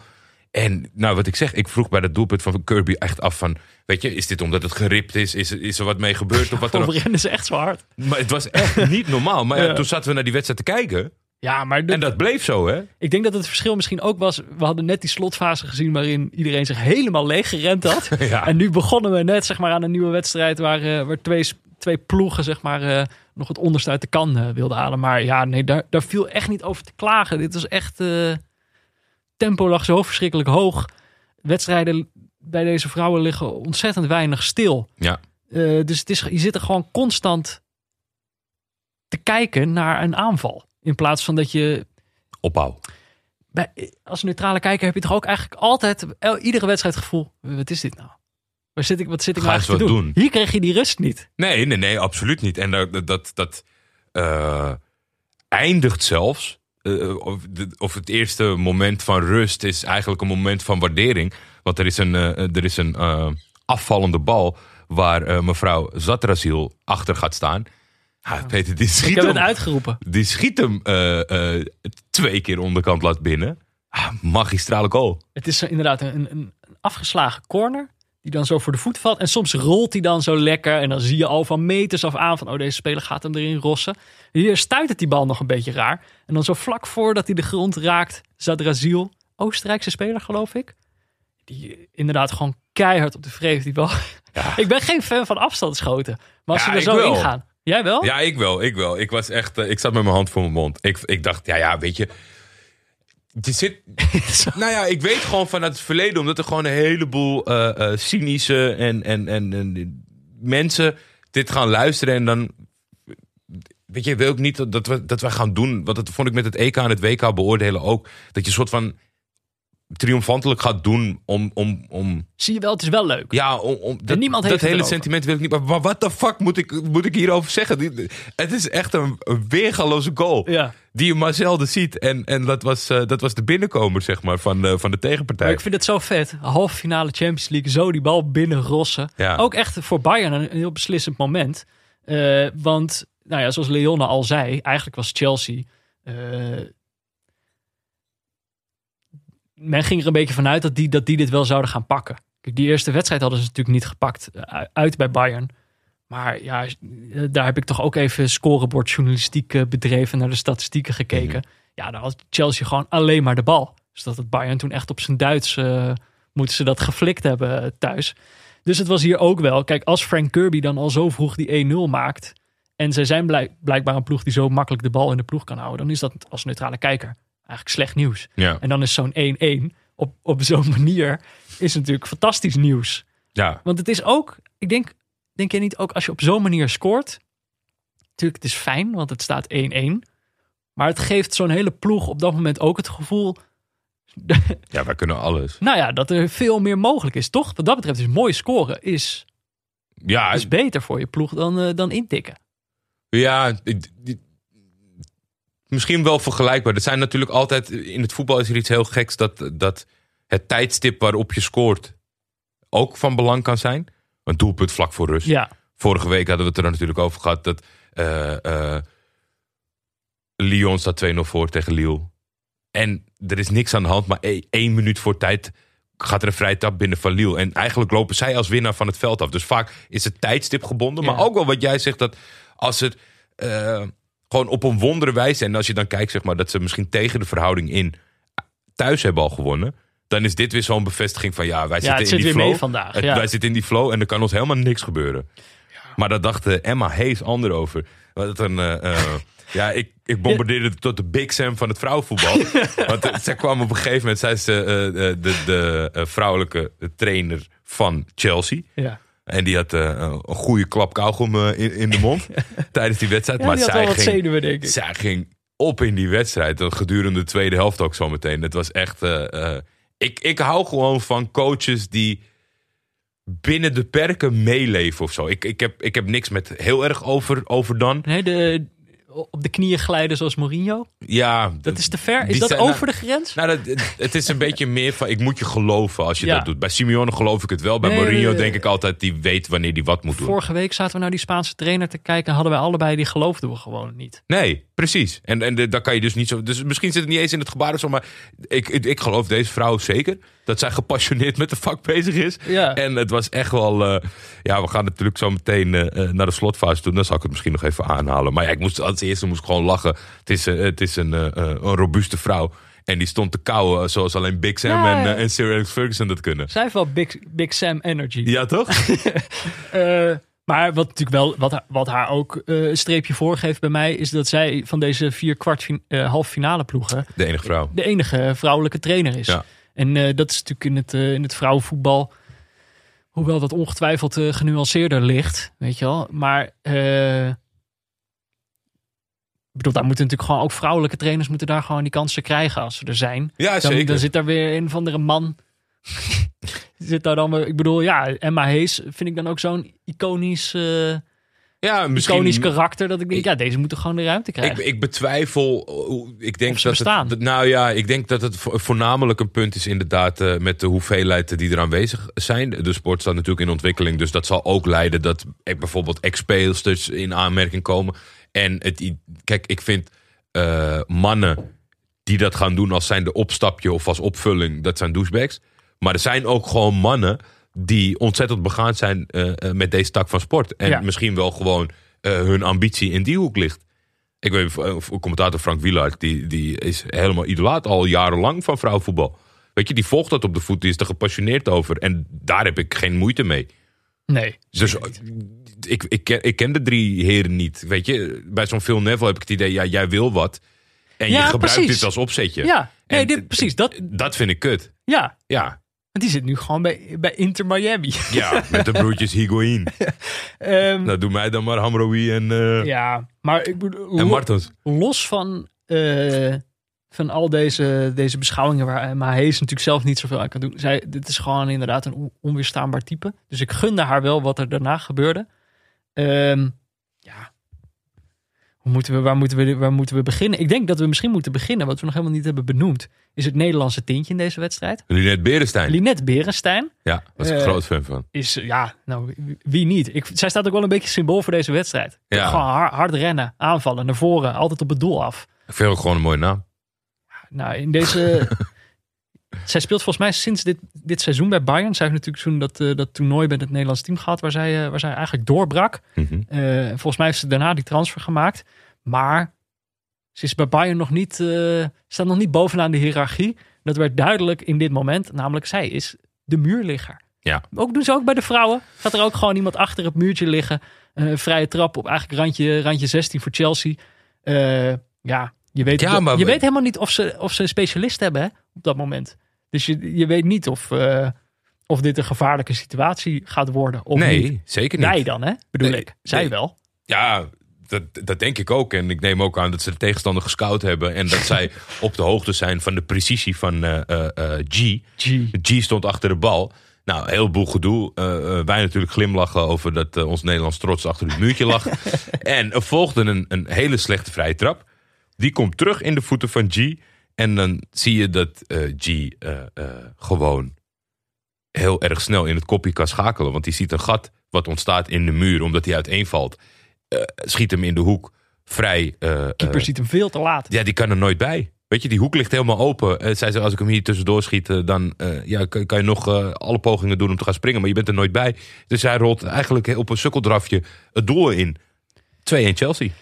Het is inderdaad eh 2-1 en dat is de stand waarmee het verlengen gaat worden. Ja. Want eh, uit was het natuurlijk ook eh 2-1. Die tweede helft is een, is een kwartier bezig. En het is gewoon een totaal andere wedstrijd geworden. Ik weet niet, misschien, misschien heeft Emma Hees eh, wel bewust eh, besloten om die wedstrijd dood te maken. Om op het einde pas een doelpunt eh, te gaan forceren. Misschien heeft Bayern zoiets soortgelijks geprobeerd. Maar het was in ieder geval... Ja, we hebben ook Het over, flitsende van de eerste helft was helemaal weg, Nee. tweede helft. over het pijpje leeg gesproken. Nou ja, ervan uitgaande dat dit misschien nog een hoger tempo was, is het ook misschien wel gewoon, was dit het maximale haalbare. Ja. Moest het in die eerste helft gebeuren voor de beide ploegen. En ja, nu werd het een, eh, een beetje schaken en doen. En ja, Ja, en dan is- Henk op twee gedachten ook, vond ik. Ja. Maar dan is het wel goed dat jij dat we G alvast gezien hebben in die eerste helft. Ik vond hij in de tweede helft. Dit is geen rechtsbuiten. Dat wil ik bij deze gezegd hebben. Dit is echt. Dit is een, dit is een eh, ja, nummer 10 voelde het. Of is het een nummer 8 misschien meer. Maar gewoon op het middenveld. En gewoon prachtige balbehandeling, goede paas. Ja, En gewoon. Het is gewoon, je, zie, je ziet het gewoon. Ja en dat het- zij beter is dan de rest. Het, het had, en uiteindelijk, wat ik, ik, vond, ik vond dat ook, dat zij positief opviel. Maar ik, ik- eigenlijk vanaf het begin al, zeg maar, die Kirby in de individuele klasse, zeker. Maar er, er stond een hele bekende naam op het veld bij Chelsea. En dat is Pernille Harder. En dat vond ik ook wel tussen de bedrijven door. Mhm. Ook een wereldvoetballer van het jaar, toch? Ja, maar dat zag je wel ook ervan af hoor. Jeetje, dat, dat- weet je, dat zijn gewoon van die momentopnames. En dan wat je zei met die Bachman en met die Graham Hansen. Dat zijn gewoon, je ziet gewoon dat ze beter zijn dan de rest. En dat is, ja, dat is op elk niveau zo. En ja, Maar het blijft bijzonder om te zien. ja, dat zeg maar, ergens zit je gevangen in een wedstrijd tussen 22 gelijkwaardige mensen die er een strijd van maken. En aan de andere kant zijn er steeds van die flitsjes dat je denkt, oh ja, die is niet, die is niet helemaal eerlijk. En die is dat, te goed. Dat was eh eh, Pernille Harder was daar zeker één van. En dat weet ze eigenlijk. eh, Nou, maar eigenlijk is het wel goed dat je dat benoemt. Want als we het vergelijken met die eerste wedstrijd, was mijn gevoel bij deze tweede helft, die dus echt langzaam dood leek te bloeden. eh, en dan dacht ik, ja, gaan we van deze wedstrijd een verlenging mhm. krijgen? Ik zag dat best wel somber in, omdat eh, in die eerste wedstrijd had je denk ik veel meer spelers met individuele klassen die dat open kunnen breken. Zoals zo'n Graham Hansen en zo. Hier zag ik dat minder. Op dit veld, ja, jij noemt Pernille Harder, maar die had dan misschien ook wel net iets minder een individuele actie. Er stonden minder, zeg maar, een, een speler die gewoon vanuit zo'n eh, zo'n padstelling het dan helemaal kan openbreken. En mijn enige hoop daarom was, eh, toch weer pijpje leeg, laatste kwartier, dat het dan gewoon weer strijden gaat worden en dat er dan nog een doelpunt valt. Want die verlenging was echt wel te veel eer geweest voor deze tweede helft. Zeker weten. Wat er dan gebeurt is eigenlijk. Het is, het is best wel gek, want eh, eh, er komt een, eh, een vrije trap voor Chelsea. Vanaf rechts. ja. Jess Carter gaat erachter staan. Die in, het zal je niet verbazen, die in haar jeugd heeft moeten kiezen of ze professioneel rugbier wilde worden of professioneel voetballer. Ja, Ja, je kan dat zien. Ja dat, Dat, eh, dat, die eh, die is hele- zijn hele wedstrijd niet omver gekregen door een tegenstander. de, de, eh, de potentie van de rugbywereld was zichtbaar bij, bij het type spel dat ze, dat ze hanteert. Maar daardoor misschien des te verrassender hoe fijn ze de bal aansnijdt. Die Pernille Harder van dichtbij Echt goed, een mooie vrijtrap. goed binnenkopt. 3-1 is eigenlijk wedstrijd afgelopen. En misschien ook wel een terechte winnaar. Nou, Voor hetgeen wat jij net schetst. Kijk, tuurlijk, het kan nog op papier. Maar ja, zo'n zo'n knakmomentje. Je zit, al, je zit er al niet lekker in als Bayern zei. De Chelsea is individueel wat beter. Ik had hem eigenlijk wel afgeschreven. Maar nu start eigenlijk een nog betere thriller... dan het einde van Paris Saint-Germain eh, Ja. Barcelona. we hebben ons vreselijk verveeld tijdens, tijdens deze tweede helft, maar die laatste vijf minuten maakte alles goed. Ja. Ik- Eh, ja, wat- wat- wat- Waar moet je beginnen? ja, bij de, bij, bij de constatering die ik me toen ging, ging afvragen, zijn de vrouwelijke Duitsers ook zoals de mannelijke Duitsers in het voetbal? Is het Bayern München van de vrouwen net zo, eh, ja, oneerlijk misschien wel? Ja. Weet je? En eigenlijk, het was, het, ze zitten er heel dicht tegenaan, laten we dat zeggen. Nou, één goaltje was ook genoeg geweest. De ja, want dan 3-2 gaan ze door, Op, eh, op, op, op uitdoelpunten. Ja. En eh, En dat was heel onterecht geweest. ik, zag het, ik zag het echt niet gebeuren. Maar er komt toch één enorme kans. dat ik echt, mijn hart zat in mijn keel. Ik, ik, vooral Emma Hayes gunde ik dit absoluut niet. En ik vond ook geen terechte afspiegeling van de wedstrijd. Nee. Maar ik moest ook wel gniffelen. Ik denk, het zal toch niet dat ze hem binnen, binnen, binnenwerkt. Maar dat, dat gebeurde niet. En eh, uiteindelijk... Ja, Bayern gaat natuurlijk alles op alles zetten. Er volgt nog een corner. De keeper gaat mee. Altijd goed om te zien. Eh, de corner is, is niet perfect. Het duurt even voordat Chelsea onder, eh, zeg maar, eh, zich eronderuit speelt om, om zelf te gaan aanvallen op het lege doel. De keeper gaat niet terug. Ja, dat vond ik ook. Die keeper bleef gewoon ja, hangen. dat, ik hou daarvan. Ja, ja, het, is, het is winnen of verliezen. Dus je kan Ja. Mhm. beter daar blijven staan. In de hoop dat iemand hem nog aftroggelt. En eh, ja, het, het, het lukt allemaal net niet. En uiteindelijk weten ze toch, Chelsea weten ze die bal ertussendoor te wurmen naar Kirby. En die kan, ja, Kirby werd lachend, gelanceerd. lachend eh, het lege doel inlopen. Ja, terwijl inderdaad, de pijp was al leeg. Ze moest nog wel aardig wat meters rennen. Op een gegeven moment zie je haar ook gewoon beslissen, oké, ik ga nu schieten. Maar dat is natuurlijk wel een spannend moment. Ja, Want als je te vroeg schiet, dan is, het, dan is het nog knap lastig om die bal ook echt tussen die palen te krijgen.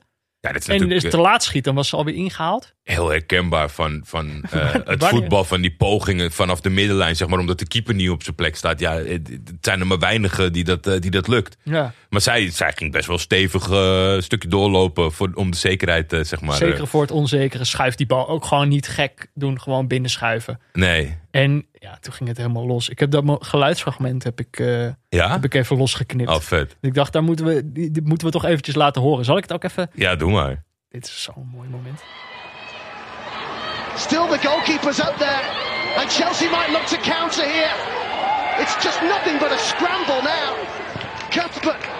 Now they're clear. Now they're away. Now they can surely finish it. Frank Kirby. It's in. Chelsea are going to Gothenburg. There's no doubt now. Champions League finalists for the first time in their history. And the Hayes is in tears. Brilliant. Absolutely brilliant. What a performance by Chelsea. Ik, ik, ik zat niet ver van het energielevel van de commentator eh, vandaan hoor.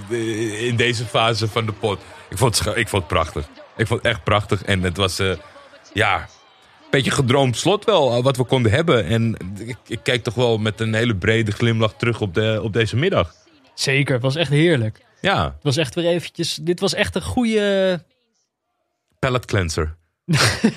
Nou, pallet ja, zo zou je het kunnen noemen. Weet ik niet, ja. Nou, maar het was in ieder geval... Kijk, als je dan een heel jaar niet naar vrouwenvoetbal hebt gekeken... of alleen af en toe een fragmentje hebt gezien... en je hebt deze wedstrij- twee wedstrijden gekeken... ja, dan moet ik die finale moet ik natuurlijk ook nou kijken. Ja, Toch? ja. eh, Als we het er toch over hebben... want de finale is nu dus bekend. Chelsea won met 4-1 van Bayern München. Ging dus ook naar de finale in Gothenburg. Daar treffen ze Barcelona. Als je naar die twee ploegen kijkt... wat denk je dat voor een... Wat voor finale gaan we zien? Ik denk dat je een, een, een finale op hoog niveau gaat zien. Eh, Ik denk dat je een open wedstrijd krijgt. Ik denk dat beide zeer aanvallende intenties hebben getoond, deze wedstrijden. Het zal ook wel een, eh, een clash worden tussen welke wereldster staat op in de finale. Dat, de, de individuele Een onderscheiding. hele harder. Ja, Lieke Kirby, Martens. Lee en eh, Hermoso natuurlijk. En misschien nog wel een grotere rol voor Amraoui. Ik, ik, als ik moet zeggen voor de mensen die, eh, die eh, eh, het willen weten voor hun Unibet-lijstjes, zet ik, zet ik eh, op Chelsea. Ja, Wat ik- denk jij? Ja, weet je, voor deze Misschien aflevering, hoop ik het wel gewoon, is niet dat ik denk, maar ja. voor deze aflevering dacht ik Barcelona. ja. Omdat er gewoon in die aanval zit gewoon zoveel kwaliteit. Volgens mij is er geen enkele ploeg die dat eh, gaat tegenhouden. Maar ik heb wel het gevoel, gewoon als we nu ook weer terugblikken op dat Chelsea, dus dat er gewoon meer karakter in die ploeg zit. Ja, En dan wordt het toch een finale. eh, als we het over hebben dat, dat in iedere wedstrijd die wij hebben gezien de pijp leeg raakt op een gegeven moment. En dan komt het gewoon aan op karakter. Dan denk ik dat Chelsea het daarop eh, gaat beslissen. Ja, ik gun het. Ja, wat ik zeg, het, het, is, het is oprecht wat ik denk na deze twee wedstrijden. We ook zeker met deze analyse dat als het tand voor tand gevecht wordt, dat, dat Chelsea dan de beter is. Maar, en dan zal ook veel credits gaan naar Emma Hayes. Ik, ik ben ontzettend eh, gaan eh, houden en geloven in deze vrouw. Eh, de, de, de shots de- met de tranen in de ogen op dat veld, op de knieën. Ik, Chelsea zou een mooie nieuwe winnaar zijn van deze beker. Zeker. Nou, een nieuwe winnaar wordt het sowieso. Ja. Barcelona wint het dan ook. Deze wedstrijd is trouwens zondag 16 mei om 9 uur te bekijken. Ik weet niet waar precies. Maar er is eh, VAR. Er is een VAR. Alleen dat was in, in de finale, Ja, was in deze twee wedstrijden niet zo. Waren er momenten dat we hem echt nodig hadden? Valt wel mee eigenlijk, hè? Eh, nee, nee, vond ik niet. volgens mij was er één, momentje dat er, dat er een speler toch was gaan liggen. En dat, eh, dat je inderdaad gevoeld, oh nu gaan we naar de VAR. Maar die was er inderdaad niet. Maar dan dus wel met VAR. Nou, we gaan het zien, de finale, zondag 16 mei. Dan is het denk ik tijd voor een stukje verdieping, Jordi. Oh oh. Ik eh, dacht, eh, kijk, we kunnen Pieter, kunnen we, ik, we kunnen twee kanten op met hem. Hm. Ik zei tegen hem, we hebben vrouwenvoetbal gekeken, dus je kan, eh, je kan daar iets mee doen. Maar ik dacht eigenlijk ook het meesturen van de keeper, wat we in die laatste wedstrijd hebben gezien, wat gewoon een sensationeel mooi vet moment was. Dat, dat was wel typisch iets waarbij ik me afvroeg, wat vindt Pieter daar eigenlijk Ja, en van? het is ook typisch zoiets weer dat hij eh, ervoor gaat zorgen dat dat niet meer gebeurt. Dat hij dat weer afpakt van ons, omdat ja, eh, in, in 0,3% van de tijd is het succesvol gebleken. Nou, we gaan, we gaan zien wat hij heeft gekozen. Kijk een pressing. Kijk een pressing. Deze week openen wij ons blad met Lieke Martens, die Barcelona afgelopen week naar de Champions League finale schoot. Iets waar Lionel Messi alleen maar van kan dromen de laatste jaren. Maar dat is niet waarover u het wil hebben qua vrouwenvoetbal. In die context stoor ik me namelijk behoorlijk aan de trainers die aangesteld worden. Middelmatige mannen die zo middelmatig zijn dat ze in het mannenvoetbal geen kans krijgen. Dat vind ik een belediging. Omdat er meer dan zat middelmatige mannen trainers zijn bij de mannen. En vrouwenvoetbal een uitgelezen kans is om meer mensen met een alternatieve achtergrond kansen te geven. Emma Hayes van Chelsea vind ik een mooi voorbeeld. Die investeert al jaren in haar carrière. Omringt zich met experts uit onder meer Noorwegen en België. Is beledigd wanneer haar de vraag gesteld wordt of ze niet over wil stappen naar de mannen. En wordt emotioneel door het succes van het bereiken van de Champions League finale. Dat is wat je nodig hebt. Frisse ideeën en ambitie om iets van A naar B te brengen. Dan schrijf je een verhaal waar mensen enthousiast voor kunnen worden. Ben je liever elders, blijf dan lekker weg. Want nu de grote mediadruk er nog niet is, is vrouwenvoetbal de perfecte plek om nieuwe ideeën te testen. In plaats van middelmatige mannen hun verouderde concepten over te laten brengen. Kijk een pressing. Kijk een pressing. Nou Jordi, dit is, dit is dubbel goed. Ja, De, de keeper blijft mee naar voren gaan. Die blijft, die blijft eh, bewaard. En eh, de Emma Hayes eh, fanclub heeft er, heeft er weer een nieuwe bij. ja dit was niet vooraf afgesproken. Pieter levert altijd te laat. Dus tijdens, de uitz- tijdens de uitzending krijgen we het pas binnen. En soms helemaal niet. Dus we weten niet. we hebben dit niet kunnen afspreken. Maar Pieter, welkom bij de fanclub van Ja. Emma. Zeker. En eh, volgende keer niet eh, in je bonenmachine gaan staan. Wat was dat op de achtergrond? weet ik ook niet. Dat weet ik ook niet. Maar het klonk in ieder geval alsof hij in beweging was. En dat vind ik eh, ommetjes, dat, dat, dat gun ik iedereen. En weet je wie er ook in beweging is, Peter? Nou, Varjim. oh, hebben we een live update? Blessuretijd, je weet daar houden ze van. 90 plus 2, de verlossende 1-3. Oeh. De tranen in de ogen van de spelers. Ze gaan helemaal los in hoeverre dat kan in Hè, een maar leeg ze- stadion. Maar ze zijn, dat Nou, is allemaal leuk en aardig. Maar ja, ze waren misschien gedeg, waren ze officieel gedegradeerd. En ze verloren hadden ook niet, toch? Dus het was... Dat denk ik ook niet, maar het, het- het- oh, nee, maar ik zie nu wel in de stand. ze gaan naar een veilige plaats. Ze gaan gewoon naar een veilige plaats. Ja. Ja. Maar ja, die- je moet natuurlijk eh, eh, nooit te vroeg juichen. Niks is veilig eigenlijk Maar in dit, Portugal. ik, ik, ik zag dat toen al. Dit is een emotionele club. Ja. En dan moet je gewoon eh, elk, elk, eh, elk klein beetje geluk dat er is, vieren. moet je vieren. Want anders is het zo meteen te laat. Oh, Vilo Frank maakt bijna, bijna 2-3. Maar Ja, dat mag allemaal. dit gaan, ze, dit gaan ze volhouden. Eh, even kijken. Ja, je hoort het al. We zijn weer in de, in de, in de rest van de wereld terechtgekomen. Hebben we in de, in de rest van de wereld nog, wat, nog wat leuke berichten? Ik had in, in, op de mail had ik Xander Rozen. Eh, die heeft natuurlijk ooit een, een, Ja. een legendarische samenvatting geschreven.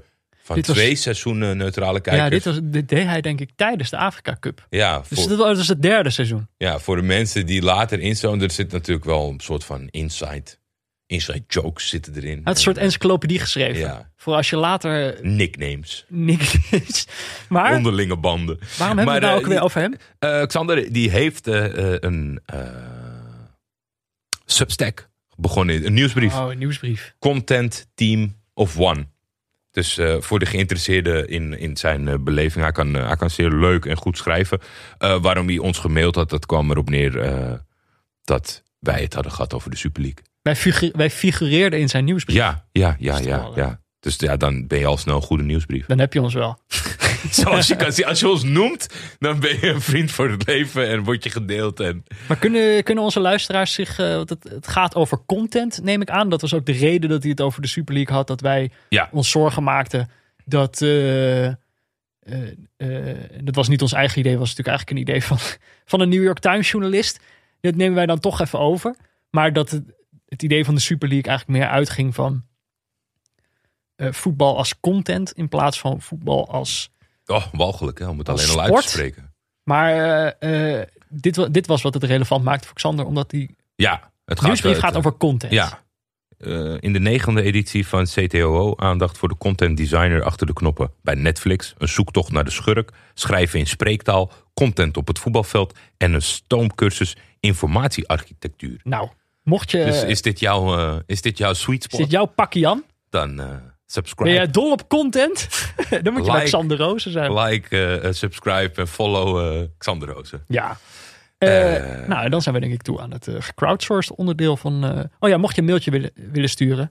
is toch wel even goed om er even bij te zeggen. neutralekijkers.gmail.com Ja. Daar kan dat. En dan zijn we toe aan het gecrowdsourced onderdeel van de aflevering.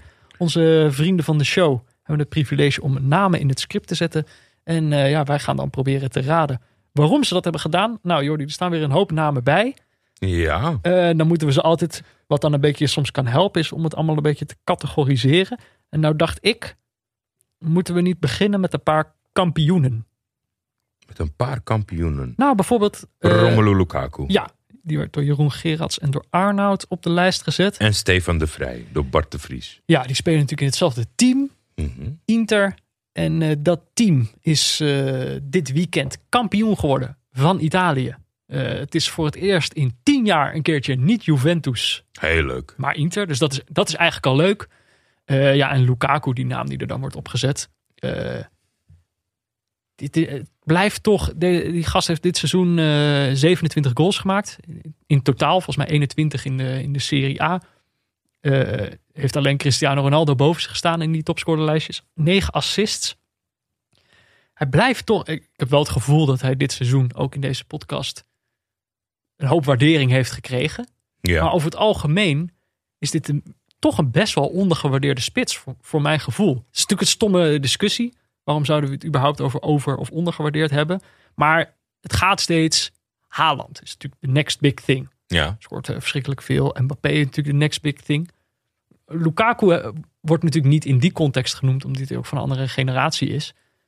Maar heb jij überhaupt het gevoel dat hij die Ja, reputatie van het- superspits al heeft? Nee, niet. Nee, niet. Ik denk eh, gewoon eh, de mensen die het voetbal op de voet volgen, die zullen altijd met waardering over hem spreken. Maar hij heeft, niet, hij heeft geen sterrenlures. En dat, dat kan je gewoon overkomen als spits. Ja, ik, ik weet niet wat het is. Robert Lewandowski is misschien wel de beste nummer 9 die er is. Ja, het zal ook nooit niemand te roepen in het lijstje. Hij ziet er niet gezellig uit. Hij doet, hij doet zijn best. eh, Gaat hij TikTok lanceren. met hele ja, echt gênante filmpjes gaat hij, gaat hij leuk doen. Het, het is het gewoon niet. Als Neymar dat doet, dan, dan gaat het de wereld over. Als Lewandowski er is, dan, dan, dan lachen de diehards die toevallig voorbij zien komen. eh, dat is bijvoorbeeld wat Haaland en Mbappé misschien ook wel veel beter doen. Ja, bij Haaland vind ik het toch wel opmerkelijk. Maar dat is dat, ja, ik weet niet wat de, wat de X-factor is die Haaland wel heeft. Want in principe eh, zou hij ook gewoon een, een saaie pier moeten zijn. Zeg maar. Hij- kan, wat dat betreft, Ja, een Lewandowski een beetje, een beetje... Ja, hij is, niet, hij is niet leuk. Hij is meer raar. We hebben het er vaak over gehad. Hij is natuurlijk jong. Hele gekke interviews gegeven. Ja. Heeft weinig eh, eh, interesse als hij, als hij dat soort gesprekjes voert. Oh, nu dit puber. seizoen, ja, een rare puber. Is het gespeeld? eh, is, is hij echt raar? Ik, ik, dat weet ik niet. Ja, ik, ik weet niet waarom hij wel die X-factor heeft. Misschien wel gewoon door het absurde aantal doelpunten. Ja. Staat al een tijdje droog, dus misschien is, eh, misschien is het toch niet zo goed. Hype voorbij. Kijk, Lukaku wordt wel gezien als, als een, een van de spelers, maar misschien wel de speler die dit Inter kampioen heeft gemaakt. Ja, ik, heb, wat- ik ga niet zeggen dat ik al die wedstrijden heb gezien, maar wat ik van hem heb gezien, we hebben wel één keer ja, Zeker. Inter tegen AC Milan. Ja. Ja, Maar het is gewoon een opmerkelijk spitsenduo. Want eh, spitsen zijn over het algemeen natuurlijk eh, eh, gierig. Maar hij is dan toch met zo'n Lautaro Martinez samen... Ja, Eh, negen assists. Ja, dus dat is, dat is gewoon een heel sterk blok. Ik, ik zag wat filmpjes voorbij komen. Hij is- hij- Het was heel Ja, klein, individueel. En uit een uit een auto. Hij hangt uit een auto. Ja. Met een Inter-vlag in zijn hand of een Ja. shirt.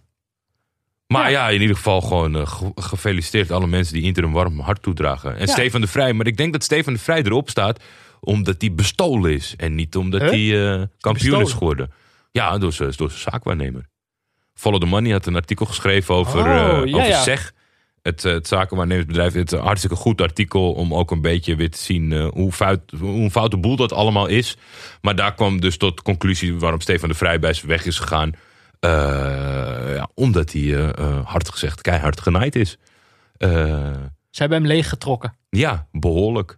Want dit is- maar want dat is volgens mij natuurlijk, dat is natuurlijk weer moeilijk naar, naar, naar alle onderbuikschreeuwers en dat soort dingen. Van ze verdienen al miljoenen, er zit niet zo te zeiken. Maar ja, aan de andere kant, deze jongen is gewoon miljoenen bestolen. Ja. Door schimmige constructies, door niet eh, in zijn belang op te treden om, om, om, om van twee walletjes te Want, eten. eh, ja, wat, wat, wat, wat, volgens mij, wat ik heb begrepen van die situatie was. Die, die, eh, die SEG-groep. Ja. hij ging ervan uit dat die ploeg hem vertegenwoordigde. maar ze vertegenwoordigde Inter in Ja, hij maakt, vervolgens, hij maakt een transfer naar Inter. Gratis, transfervrij. Ja, Maar Inter heeft 7,5 miljoen betaald. aan de SEG-groep. Ja, Want, want inderdaad, wat, wat dus opeens duidelijk werd, was dat ze tijdens die onderhandelingen opeens niet Stefan de Vrij vertegenwoordigden, maar, maar de club waar die Ja. naartoe ging. en dus inderdaad, dat- ze zitten van, van walletjes, eh, Ja, meerdere walletjes. te En dat, dat, dat doen ze natuurlijk heel met, met eh, heel erg gebrei eromheen praten. Met zulke dikke documenten, met allemaal kleine lettertjes. En ze zeggen, wij moet, hebben, je, dat, nou, moet je net Stefan de Vrij hebben. wij hebben dat tegen Stefan gezegd. Hij- dat hij het niet leest, daar kunnen wij niks aan doen. Wij hebben naar eer en geweten gehandeld. Ja, het is gewoon, weet je, die mensen zijn allemaal walgelijk. En iedereen weet dat ze walgelijk zijn. Eh, het is het volgende punt, zou het moeten zijn eh, eh, op, de, op de agenda van de FIFA. Om dat te reguleren, om dat Ja. open te maken. Maar wat je zeker meer zal zien, en dat, dat, dat werd op een gegeven moment wel ingezet. Maar het, het, het, het Stefan niet echt door. Want weet je wat het probleem is? Eh, het wereldje houdt natuurlijk elkaar de hand boven de hoofd. En je kan heel makkelijk zeggen tegenwoordig als, als speler zijnde... weet je wat, ik maak mijn eigen team met, met legal functies. Ik neem een advocaat in handen, Mhm. ik neem een notaris in handen... en ik doe dat gewoon, of met, met, met een familielid. Ik kan dat allemaal wel regelen. Maar als jij niet Messi bent, ja, dan moet je toch gebruik maken van het netwerk van je makelaar... om ergens terecht te komen. Dus daardoor Ja. zet het niet echt door. Ik, ik zou alle spelers adviseren, neem het heft in handen. Het is toch ook... Weet je, dat is het enige wel, dat Stefan de Vrij, die moet wel in de spiegel kijken. Jij hebt ervoor gekozen om het niet te lezen. Het gaat wel over, over jouw contract. Je bent ook niet achterlijk. Je hebt ook gezien dat al jaren al die mensen heel veel geld verdienen. Dus dan kan je wel achteraf zeggen van, ik vind het oneerlijk. Maar ja, Stefan is bij zelf. Verder Eh, rest uitstekend seizoen. nou. goede verdediger. Want ik zag inderdaad, ik wilde dan toch om nog even met de positieve noot eh, te eindigen. Hij is ook kampioen geworden. En ik zag de, eh, de, de koppen alweer voorbij komen. Beangstigend goede De Vrij, geroemd als stille leider van bunkerdefensie Inter. Zo, Eh, ja, Heb dat is, eh, iemand, dat is een hele mond vol. flink wat eh aandikwoorden opgelepeld. En, ehm, en die kan ik nou even niet vinden, maar was Gouden geloof ik ook op vi.nl. niet Gouden Bal. Maar wel, en dat vond ik, dat was wel een, een leuke take. Namelijk dat hij eigenlijk gewoon de best presterende eh, international is. Neder van Nederlandse international. Mm, Eh, en, spicy. ja, maar dan dacht ik, kijk, Niet uiteindelijk, waar. wij zitten, al, wij zitten allemaal naar, naar Matthijs de Ligt en naar, oh, Virgil van Dijk is geblesseerd, Deli Blind is eh, geblesseerd.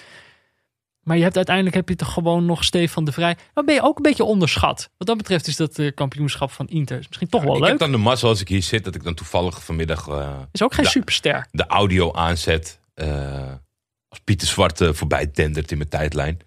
Met de echte spicy takes. Om alles de kop in te drukken. Want hij heeft gewoon gelijk. Stefan de Vrij is een perfecte verdediger voor een driemans defensie. Mm. Gebeurt dat niet, heeft hij al een paar keer laten zien dat hij door de man valt. Dus Stefan de Vrij. Toch weer met een, la, met een low note. Ik wilde met een high note eindigen. Jordi maakte toch weer een low note. Ja, nee, van. maar het is gewoon Peter. Als we niet met vijf achterin gaan spelen, is hij niet eh, het noodverband bij het uitvallen van de Licht of Van Dijk. Dat, eh, dat hebben we. Dus Pieter, eh, goed gezegd. Daar moeten we dan nog maar even naar kijken. Nou, dat we, in ieder geval gefeliciteerd met het kampioenschap. Ik, dat ook. Verder dacht ik, Artem Djuba Ah, dit is een, van, een van de sterspelers uit ons eerste seizoen Neutrale Kijkers. Was toen natuurlijk op het WK in Rusland. Was dit een van de, mhm. van de legends. Eh, een van de dubieuze le- legends van dat team. Die toch wel heel veel kilometers aflegde. Hij is nu kampioen geworden met Zenit. Kampioen van Rusland. Eh, Gefeliciteerd, uh, Artem Zuba. gefeliciteerd. Maar we moeten het natuurlijk over een ander momentje Is hebben. het, is het Marvel of DC?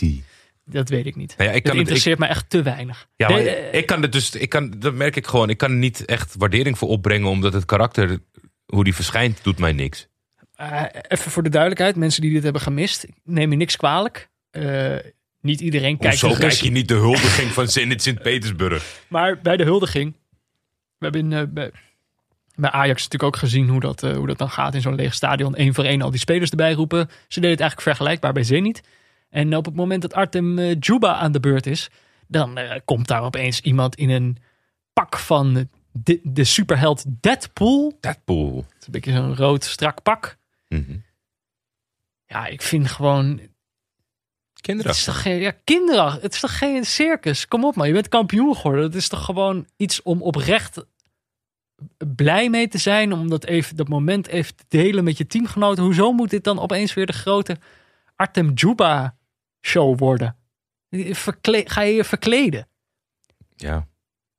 Ja, de Peter, ik kan er niks aan toevoegen. Kijk, het is jammer als we hetzelfde standpunt hebben. Het had leuk geweest als jij het zegt. Jordi, dat was zo grappig. Deadpool kwam op. Nee, en, eh, ik vind Deadpool ook echt dom. Ik, heb, ik vind al die superhelden dom. En maar dit is dan volgens mij... domste. Nou ja, ik heb, ik heb die films niet gezien, maar volgens mij is de hele gimmick dat het eh, allemaal een beetje ironisch is. is. Ah. En dat vind ik dan eigenlijk nog kutter. Als je gewoon een superheld bent, ben dan ook een superheld, weet je wel. En dat geldt ook voor Artem Djuba. Als je een kampioen bent, ben dan ook gewoon echt kampioen. Maak er niet zo'n rare, ironische eh, troep van. Ja. Dus nou ja, gefeliciteerd met het kampioenschap. Volgende keer niet, niet meer dat pakje aan, man. Doe even, normaal, normaal doen. doen. Eh, Even Ruben normaal. Hoekstra had deze naam op de, op de lijst gezet. Hebben we dan nog... Ja, ik ben Je hebt nog één kampioen, denk ik. David Neres, Tanto Piet. Ja, dit is natuurlijk eh, de andere. Ik bedoel, deze heeft er ook een showtje van gemaakt. Maar zonder te verkleden. Zonder Dat te verkleden, al. inderdaad. Ja, kijk, Ja. ik vond, ik heb, ik heb er een beetje dubbelzinnig gevoel bij. Ik heb, ik heb, ik heb die- al die filmpjes voorbij zien komen waarin hij echt, nou ja, hij vroeg gepiekt. Laten Ja. we het zo zeggen. Ja. Filmpjes uit de kleedkamer waarin hij echt eh, helemaal uit zijn dak eh, gaat.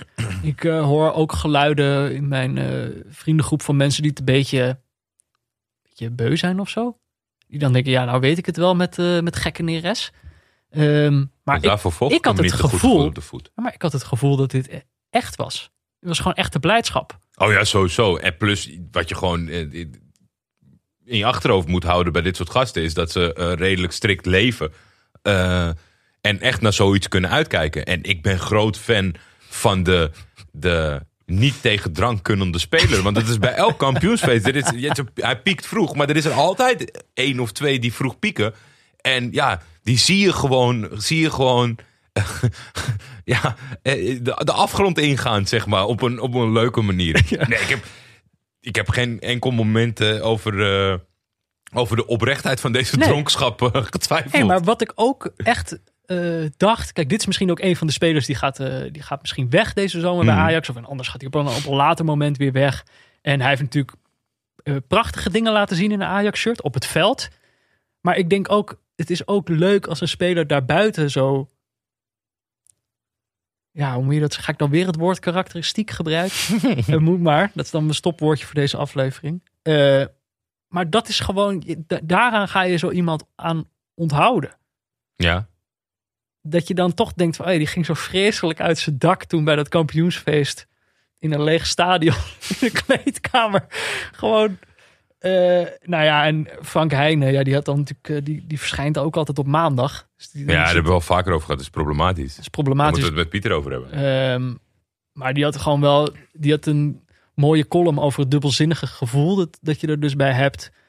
Namelijk dat het ook altijd een beetje raar is om naar die vreugde te kijken, omdat het zo lang duurt. Toch? En dat het bij Ajax natuurlijk ook zoiets is van ja, wat had je dan gedacht? Dat je geen kampioen was geworden of zo? Maar Ja, nou, kijk, dat, daarom, is, dat, is, dat is niet mijn take. Hey. Dat is niet mijn take. ik wil, Frank Heijnen schrijft heel, heel mooi op hoe je dat dubbelzinnig gevoel kan hebben. Dat je tegelijkertijd kan genieten van zo'n Neres die, er, die, die helemaal uit zijn dak gaat. En dat je tegelijkertijd ook denkt, ja, wat is dit nou? Eh, maar dan moet je dus die column van Frank Heijnen lezen. Dan moet je niet luisteren naar de slechte samenvatting van mij. Eh, alle kampioenen zijn op. Dan mogen we nu naar de andere namen. Trein.nl. Het lijkt me geen sponsorvriend van de show. Want die, had, Eh, die had twee namen. Patrick Pauwen en Raf van den Berg. Nou, die laatste kunnen we afdoen met... eh, Raf van den Berg is eigenlijk de Peter Buurman van toen wij begonnen. Die is zeven. Zeven. En die is gedebuteerd bij Pek Zwolle. Het broertje van Sepp. Het broertje van Sepp. Eh, Geboren in 2004. Ja, kijk, dit is dus, dan moeten de, dan moeten de, de voetbaljournalisten moeten aan de slag. Die Ja. moeten dan natuurlijk uitleggen hoe jong is zo'n speler precies. En dan kan je zeggen hij is 16 en dan weet je, die is heel erg jong. Maar je kan natuurlijk ook een beetje, sommige mensen zeggen dat niks. 16 jaar, hoe, hoe oud is dat eigenlijk? VI.nl eh, hadden ze de zinsnede eh, dat hij jonger is dan Facebook. Echt waar? Terwijl ik heb geen idee hoe, oud Facebook is. Nee, ik ook echt niet. Het is slecht, eh, slecht punt gekozen. Daar heb je helemaal geen gevoel bij. Plus, Facebook is een website. Raf van den Berg is, een, is een jongen. Ja. Is een mens. Nee, ik, ja, ik, ik, ik, ik, ik snap het inderdaad. Maar op een gegeven moment kom je ook natuurlijk in de, op een punt dat je niet echt meer... Want eh, je- vroeger konden mensen vaak eh, naar een telefooncel wijzen of naar een gulden. Ja, op een gegeven moment, als die jochies no- nog jonger worden, dan, dan staat dat er zo ver vanaf. Maar altijd, Facebook is niet de oplossing om je daaraan te meten. ik heb altijd een beetje het gevoel... Als iemand van voor 9-11 is, als een voetballer van voor 9-11 is, dan kan ik me nog een beetje met zo iemand identificeren. Maar zo'n Raf van den Berg, die dus gewoon een paar jaar na 9-11 is, is geboren. ik was 12 toen hij geboren werd. Dit maakt misschien duidelijk voor mensen hoe jong hij is. Ik was 12. Jonger dan Peter Buurman, hadden ze moeten zeggen. Maar dan denk ik gewoon, ja, ik, kan- ik kan helemaal niet. Hij weet helemaal niet in wat voor wereld hij leeft. Hij weet helemaal niet dat dit de post-9-11 wereld is. Ja, misschien ook wel. Misschien heeft hij heel goed opgelet op school. Dat kan natuurlijk. Maar gefeliciteerd met je debuut, eh, Raf. Ja, dat, het, eh, dat, eh, dat je wat langer eh, ervaring opdoet in Nederland dan je broer. Ja, de andere, Patrick Pauwen, dat is voornamelijk op dit moment kijk ik, Is er nog, kijk ik er nog naar uit om dat te gaan lezen. Want het is natuurlijk een artikel van Gert-Jan Jacobs. Dan gaan bij mij de alarmbellen af in me, en dan krijg ik... de positieve alarmbellen. Hè? Ja, ja, zeker. De- de- Dat zou ik eigenlijk... De volgende stap van de VI-app zou moeten zijn dat je journalisten kan aantikken waarvan je pushberichten wil. Eh, dat zou Gert-Jan Jacobs zeker eh, op aanzetten. Maar de kop was natuurlijk eh, heel, heel lokkend en de foto ook. Eh, Hij is hovenier. je kan zomaar een UEFA Cup winnaar in je tuin hebben zitten. Die jouw plantjes doet. Heb je een fijn broodtrommeltje. Ja, ik ben dus heel erg benieuwd van, is dit, is dit iemand die het goed voor elkaar heeft en zich verveelt? Is dit iemand die zijn vermogen is verloren? Ik zat vooral rekensommen te maken. Kijk, alle respect als hij hovenier, als dat zijn echte passie is, dat hij gewoon is gaan voetballen om later uiteindelijk hovenier te kunnen worden. Maar ja, op, op elk ander gebied. Dat is het gekke, maar door hoe poenerig de, de voetbalwereld is, gaat de eerste gedachte uit van... "Huh, Ja, is oh, hij alles is kwijt? er iets? Ja, is er iets dat hij hovenier is geworden? Alsof het heel erg is om hovenier te zijn. Eh, ik vind het sowieso Leuk. beter dan knikkeren. Ja, alles beter dan knikkeren. Ik bedoel, je kan dat gaan doen op tv. Met tegenzin knikkeren. En dan zegt hij, ja, je, vroeger was dat een voetballer. Ja. Je kan ook gewoon iemand helpen met zijn tuin. Daar hebben mensen gewoon veel meer aan. Ja, er, is, eh, er zijn weinig eindpunten van jou vandaag. Je bent lekker on fire, waar ik dan nog wat zinnigs over kan zeggen. Heb jij clubsupporter Rick de Brabanderen voorbij zien komen op je tijdlijn? Nee? Nee? Oké, dan ga ik heel even... Rick de Brabander? Ja, eh, dan ga ik heel even... Want die had En die is clubsupporter van... Nee, Oh. supporter van club. Oh.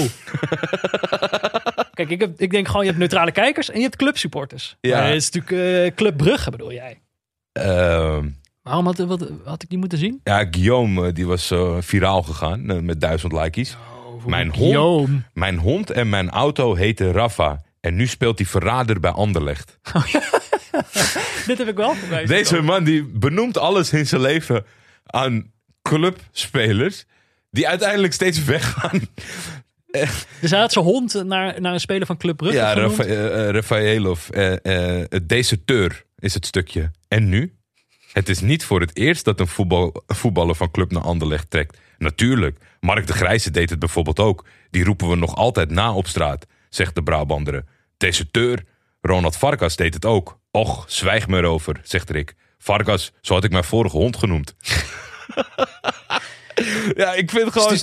Het, het lijkt, het, het, op een gegeven moment leek het een beetje nep. Want deze man heeft een passage in, in dialect geschreven op zijn Facebook. Wat iemand naar Guillaume stuurde.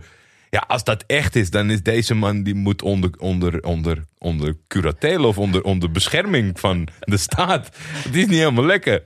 Maar ja, het is natuurlijk het is zo prachtig. prachtig weet je. Sommige denk- journalisten zijn er gewoon goed in. Laat zo iemand praten. En, dat is, en dan zegt hij vanzelf wel gewoon het beste. Ik denk, eh, je moet het zo bekijken, clubsupporter. Clubsupporter Rick. Eh, beter dat die spelers weggaan dan dat je honden weggaan. ja, toch? Eh, ja, nee, zeker. Even kijken. Jap Stam, Jap Stam was Ja. Kwam na 33 seconden op achterstand. En ja, dan kan hij weer opnieuw beginnen.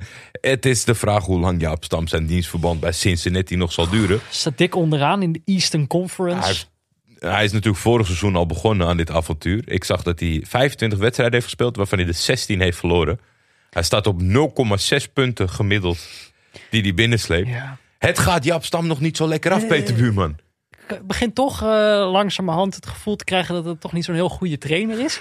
en dan denk ik, Voorzichtig, hè? Ja. Voorzichtig het gevoel. En dan denk ik, betere reclame voor de trainersopleiding van de KNVB kan je niet hebben. Dan kan je gewoon constant zeggen, Jaap Stam heeft hem niet afgemaakt. en kijk wat er van hem gebeurd, gekomen is. Eh, ja, strijkerless mees had natuurlijk Sven van Beek. Ik heb hem al even laten vallen. Sven van Beek is nu een recordhouder. Over kampioenen gesproken. Zeven eigen doelpunten. Oh ja, ik, weet, ik weet oprecht niet meer hoeveel het precies was. Maar er was eh, jaren terug binnen, binnen afkick. Als hij daar zat, dan op een gegeven moment maakte hij zijn tweede of zijn derde eigen doelpunt. En dan zei ik altijd van, als er nou ooit een quizvraag is. Het antwoord is, als het over eigen doelpunten gaat, altijd Sven van Beek. Ja. Ja, nou, ik wist niet dat we, dat we samen naar dit, op dit record aan het afsteken. Ja, het is ook wel bijzonder. Het is, gewoon, het is ook gewoon een ongelukkige voetballer. En Dit record past bij de voetballer Sven van Beek. Vind ik. ik denk, ja.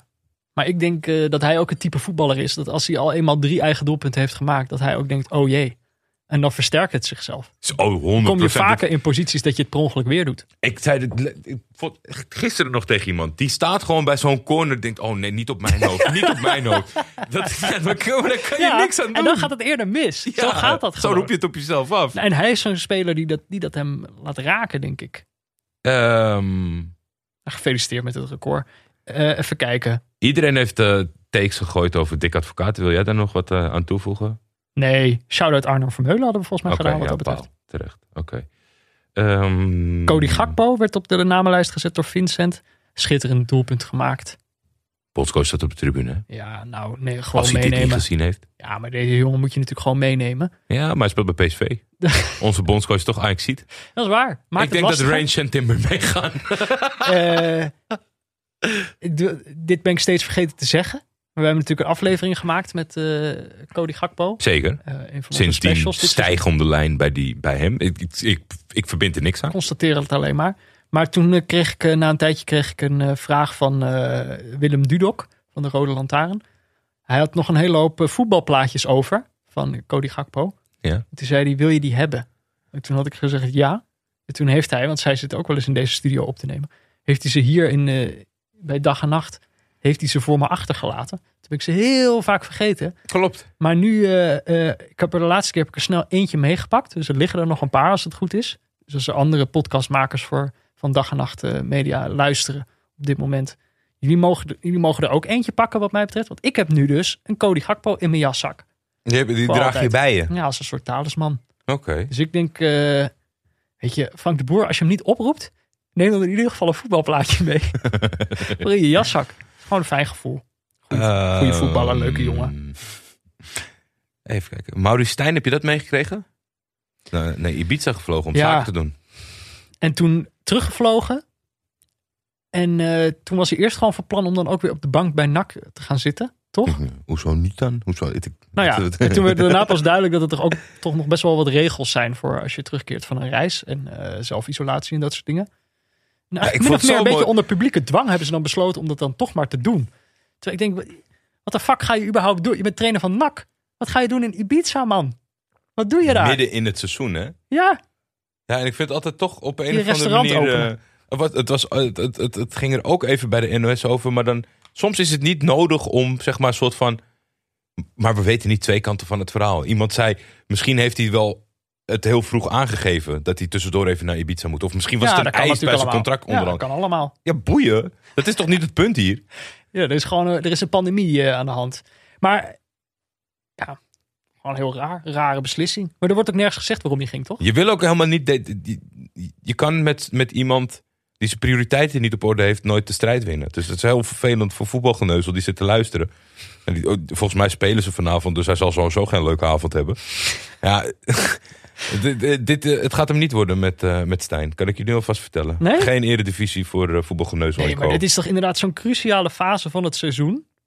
Drie Wat kan er nou op Ibiza zijn?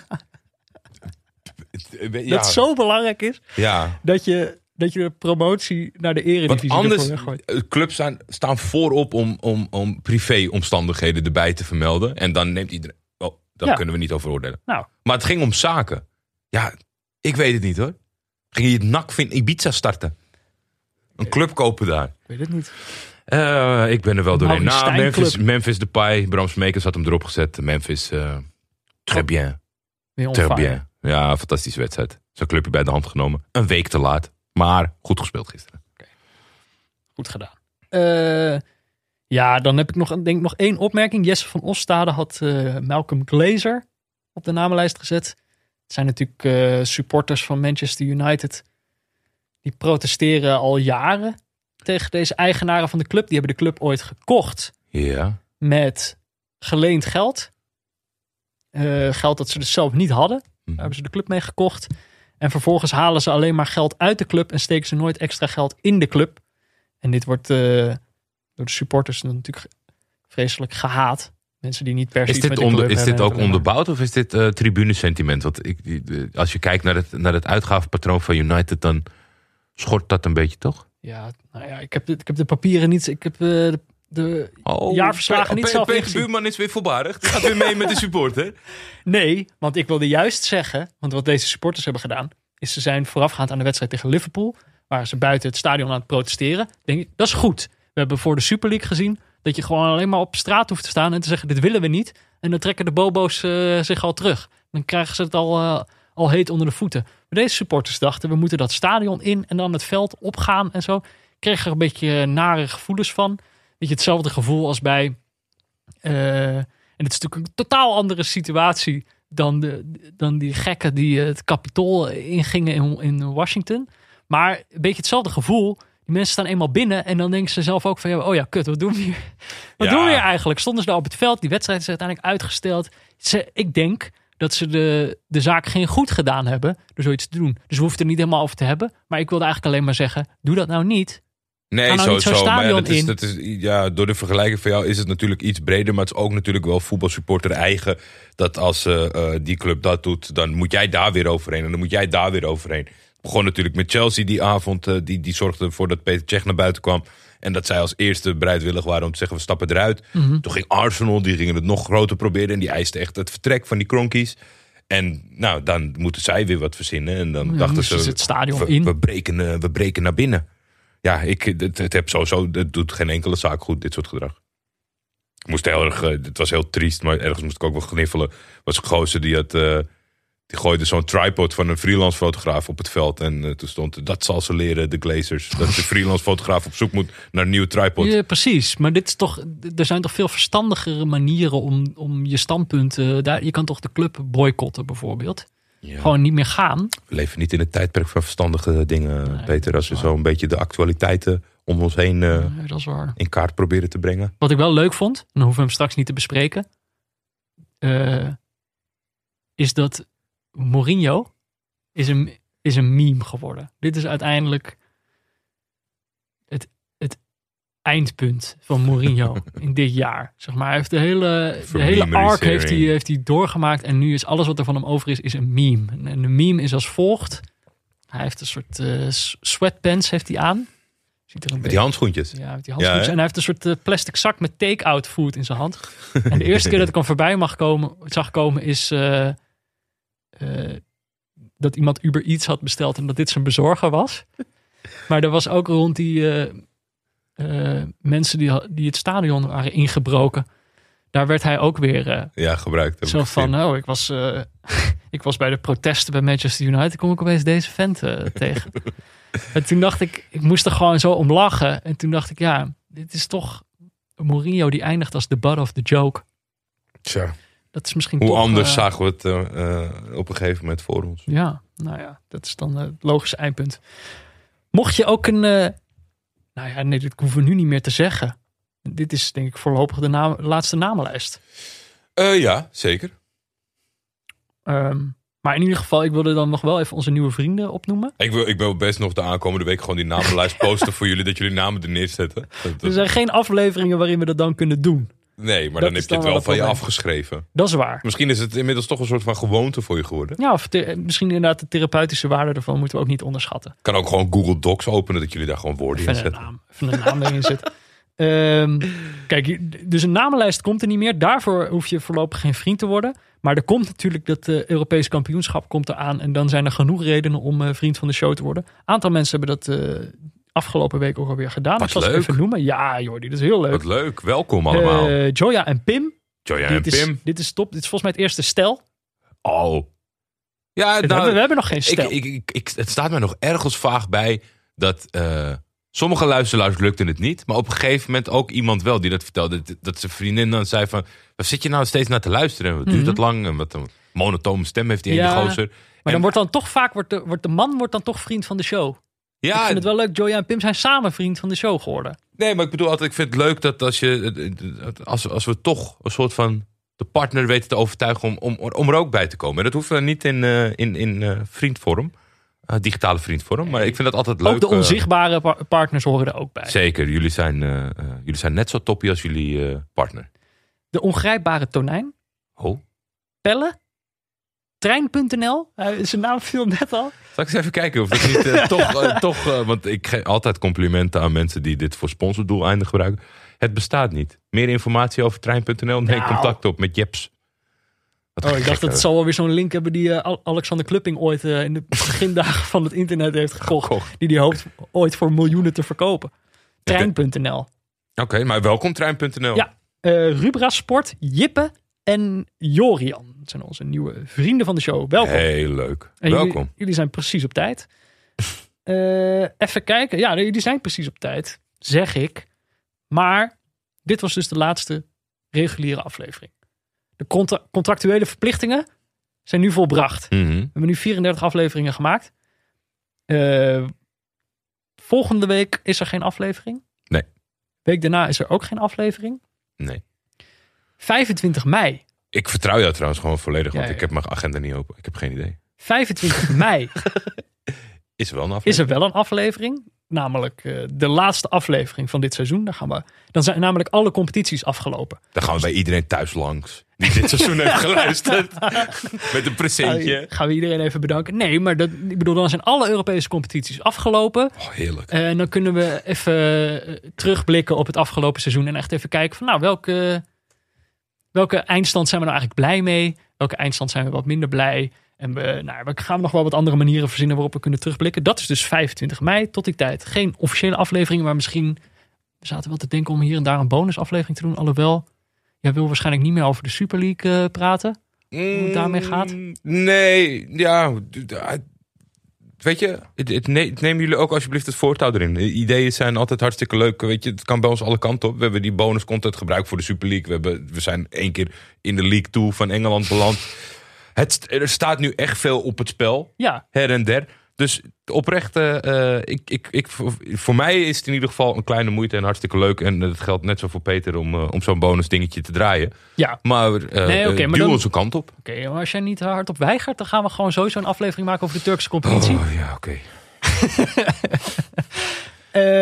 En even kijken. Nou ja, dan, daarna gaat natuurlijk op een gegeven moment het EK van start. En daarover krijgen jullie nog wel wat updates op vriendvandeshow.nl slash neutrale kijkers. Zieke nieuw content. Twitter-kanalen. Eh, dat, dat wordt allemaal nog wel duidelijk en dat ga je nog wel merken. Maar ja, dat is ook vroeger dan je denkt door dat toernooi.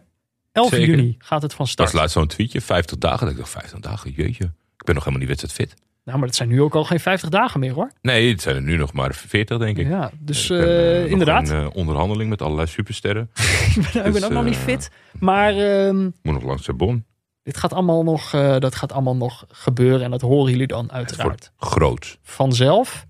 Ja, en dan toch, voordat we afsluiten, we toch nog even kijken naar de onderste regionen van, eh, van Portugal. Varzim, ja, we hebben het erover gehad. Die wedstrijd is afgelopen, neem ik aan. Ja, wedstrijd is afgelopen 3-1 gebleven. Eh, uitstekende sprong op nieuws. de ranglijst. Maar ze moeten alert blijven. Het is nog een paar potjes als het goed is. Ja, en het staat heel dicht bij elkaar. Er zijn onderin echt nog onderste 27, 28, 29 en 30 punten. Dat zijn de onderste vier. Ja, Die, eh, die gaan strijden om de degradatieplekken. Of ja, dan niet strijden om er niet terecht te komen. Natuurlijk. Hoe gaat het met Edgar Davids, een divisie lager? Eh, eerste puntjes binnen van de promotiecompetitie. Puntje. Ik, ik zal, Enkelvoud. eh, ja, enkelvoud. Ehm, Tom Meerdink is, is absoluut groot fan, liefhebber, kenner van het Portugees voetbal. Mhm. Die stuurde mij de opzet van het nieuwe... Er komt een nieuwe competitie tussen deze en ah, de dus tweede. dit is een soort overbruggings... Ja, het is een eh, overbrugging en je moet een soort van, eh, eh, eh, ehm, nou ja, laten we zeggen, heel slecht zijn wil je, niet, wil je niet promoveren. Want ze hebben heel veel ploegen nodig voor die nieuwe competitie. Oké. Maar uit die volgende competitie promoveren, dat wordt nog een grotere hel dan Edgar David nu aan het proberen is.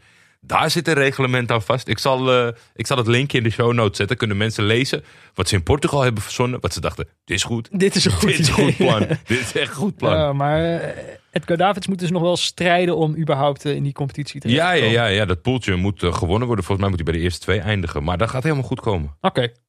En dan als laatste.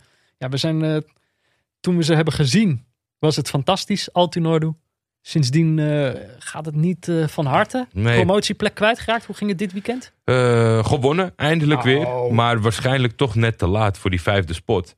Eh, ik zou wel absoluut mensen aanraden om eh, de TFF Birinji League 1, dus dat schrijf je TFF1.lig, eh, om dat volgend weekend even in de gaten te houden. Het is eh, een soort van Oh eh, jeetje. Super. League on steroids qua beschuldigingen. Er is dit weekend een doelpunt afgekeurd. Nou, daar lusten de honden geen brood van. Een terugspelbal van de tegenstander werd die jongen op voor buitenspel gefloten. Maar het is een strijd tussen Adana Demirspor, Giresunspor en Samsunspor. Eh er zitten nog veel meer sports in deze competitie. Laat je daar niet, eh, twijfel daar niet over. Eh 1, 2 en 3 hebben 67 punten. Heel spannend. Ze spelen hebben- alle oh, drie uit. Nog één wedstrijd. Nog allemaal. één wedstrijd. Oh jeetje. Het aankomend weekend is dat echt wel gekkenhuis. En daar gaan eh, eh, heel veel emoties eh, loskomen. En ik, ik, ik, ja, ik, ik wantrouw soms de motieven. Maar ik denk dat ik voor deze week een keer met de scheidsrechters meeleef. Die aan deze Oh, wedstrijden gaan fluiten. Dat wordt echt een hel. Op dit moment heeft Demirspor de beste papieren. Dat gaat dus allemaal op doelsaldo. Ze hebben een doelsaldo van 34. Nummer 2 een doelsaldo van 28. En nummer 3 een doelsaldo van 26. Ja, Samsung, Samsung zou het nog kunnen redden door middel van een, een Samsung doelpuntenfestijn. 4.0 4-0 wint. En Demirspor verliest 4-0. Nee, dan zijn ze er sowieso. Als, het gaat er meer om dat Samsung twee doelpunten of drie doelpunten meer moet maken dan Giresun doet. Als ze allebei winnen. Oh, we gaan de bovenste twee gaan. eh, De bovenste twee gaan rechtstreeks. Oh. En eh, eh, Dus eentje. er valt echt één iemand buiten Eén van de, boot. drie valt buiten de boot. Vet. Nou ja, Ehm, Dat is leuk. De ontknopingen van de competities. Precies dan zijn we er even niet. Maar na de ontknopingen dus wel met een aflevering. Om alle eindjes netjes bij elkaar te binden voordat we doorstoten ja, we kunnen naar het ook, Europese ook kampioenschap. zo achterlaten. Dat kan ook niet. Nee, zeker niet. Ehm, nou, dan zijn we er voor nu in ieder geval wel even doorheen. Ja, Neutrale Kijkers is mede mogelijk gemaakt door Dag en Nacht Media. De hoofdsponsor op de borst is Auto.nl. De muziek is Tachanka van Leon Lischner en Friends en een adaptatie daarvan van Studio Cloak. De gegenpressing jingle is van Laurens Collet en de diepteanalyse is van Pieter Zwart. De artwork is van Barry Pirovano. Deze week ook bedankt Leonne Stentler voor je ja, expertise op dit vlak. Eh, mensen weten je te vinden. Ja, dat zijn we helemaal vergeten te zeggen. Die hervormingen over de Champions League. Jij zei dat zij daar op Twitter... Oh, maar ik dacht, jij was er wel, jij was er wel een beetje naartoe aan het praten. Dat, eh, maar eh, eh, het echte verhaal volgt in de show notes. Wil je, Dat zijn, wil je de expertise? Dan moet je niet bij ons zijn. nee, er was, heel, er, waren wat, er was berichtgeving vanuit UEFA. Dus zij had een paar mooie sheets waarin het heel duidelijk werd en helemaal uitgelegd hoe ze gaan uitbreiden en hoe ze het geld gaan verdelen, et cetera, et cetera. En ben, als deze aflevering iets heeft duidelijk gemaakt, is het dat het voetbal op het veld absoluut de moeite waard is. Dus schakel vooral in over twee weken. Ja, die Champions Voor die finale. Het is natuurlijk wel. eh, de ingrediënten zijn dusdanig eh, goed. dat ik bang ben. Finales zijn nooit goed, et cetera, et Oh. cetera. Maar het is echt in ieder geval de moeite om, eh, om, om ervoor te gaan zitten. en om het de kans te geven. Want ja, als het maar. Maar een beetje in de buurt komt van wat wij hebben gezien eh, dit weekend, dan eh, zit je gebakken. is het gewoon genieten. Eh, nou, mocht je willen meepraten, dat kan in de tussentijd natuurlijk gewoon wel. We houden niet opeens op met bestaan in de wereld. dus je, je kan gewoon ons volgen op Twitter via het buurtvader of de Vef. Je kan ons mailen op neutralekijkers.gmail.com of je kan een berichtje sturen via vriendvandeshow.nl slash neutralekijkers. Verder, hou nog even afstand.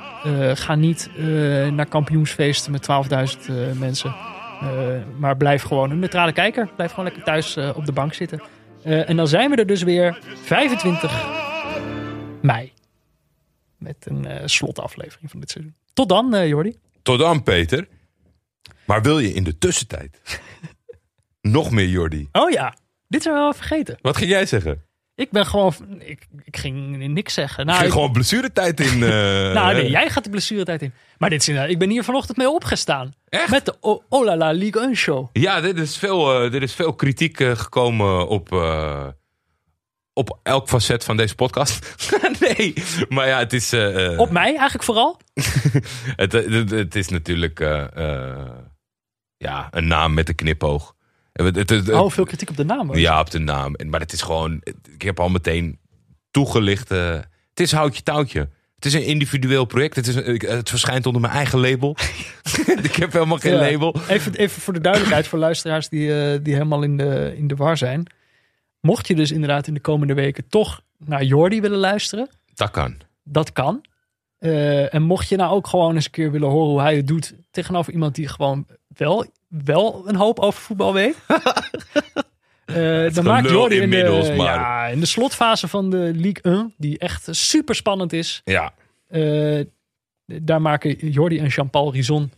eh, ja, wat is het? Iedere speelronde maken jullie een, een soort aflevering. Ja, zondagavond, zondagavond vatten we de week eigenlijk samen. En het is tot stand gekomen dat de Four Horse Race was natuurlijk in volle gang. We praten Zijn nu- daarover. Nu is het een two-horse race. Inmiddels wel, ja. Ja, ja, ja. Het gaat dus tussen Lille en Paris Saint-Germain. Maar het derde ticket is natuurlijk nog steeds een strijd. Zeker omdat Monaco nu verloren heeft van Lyon af gisteren. Er gaan ook drie Franse ploegen de Champions Ja, League. precies. Dus die derde is wel gewoon om andere redenen heel, eh, heel spectaculair nog tussen die twee. Maar weet je, we kijken het, we twitteren erover en we zitten tegen elkaar erover te praten. Is Zoiets van, ja, weet je, dat is, het is wel echt een uniek einde. Eh, Ja. We doen het gewoon. Tegenwoordig zijn er allerlei eh, mogelijkheden om dat eh, gewoon audio-kwalitatief oké te doen van op afstand. Shout-out eh, Riverside.fm, de, de Dutch start-up. Ja, ik las ergens dat het, de techniek is er nog niet helemaal wat jou betreft. Nee, ja, het is, het is, het is.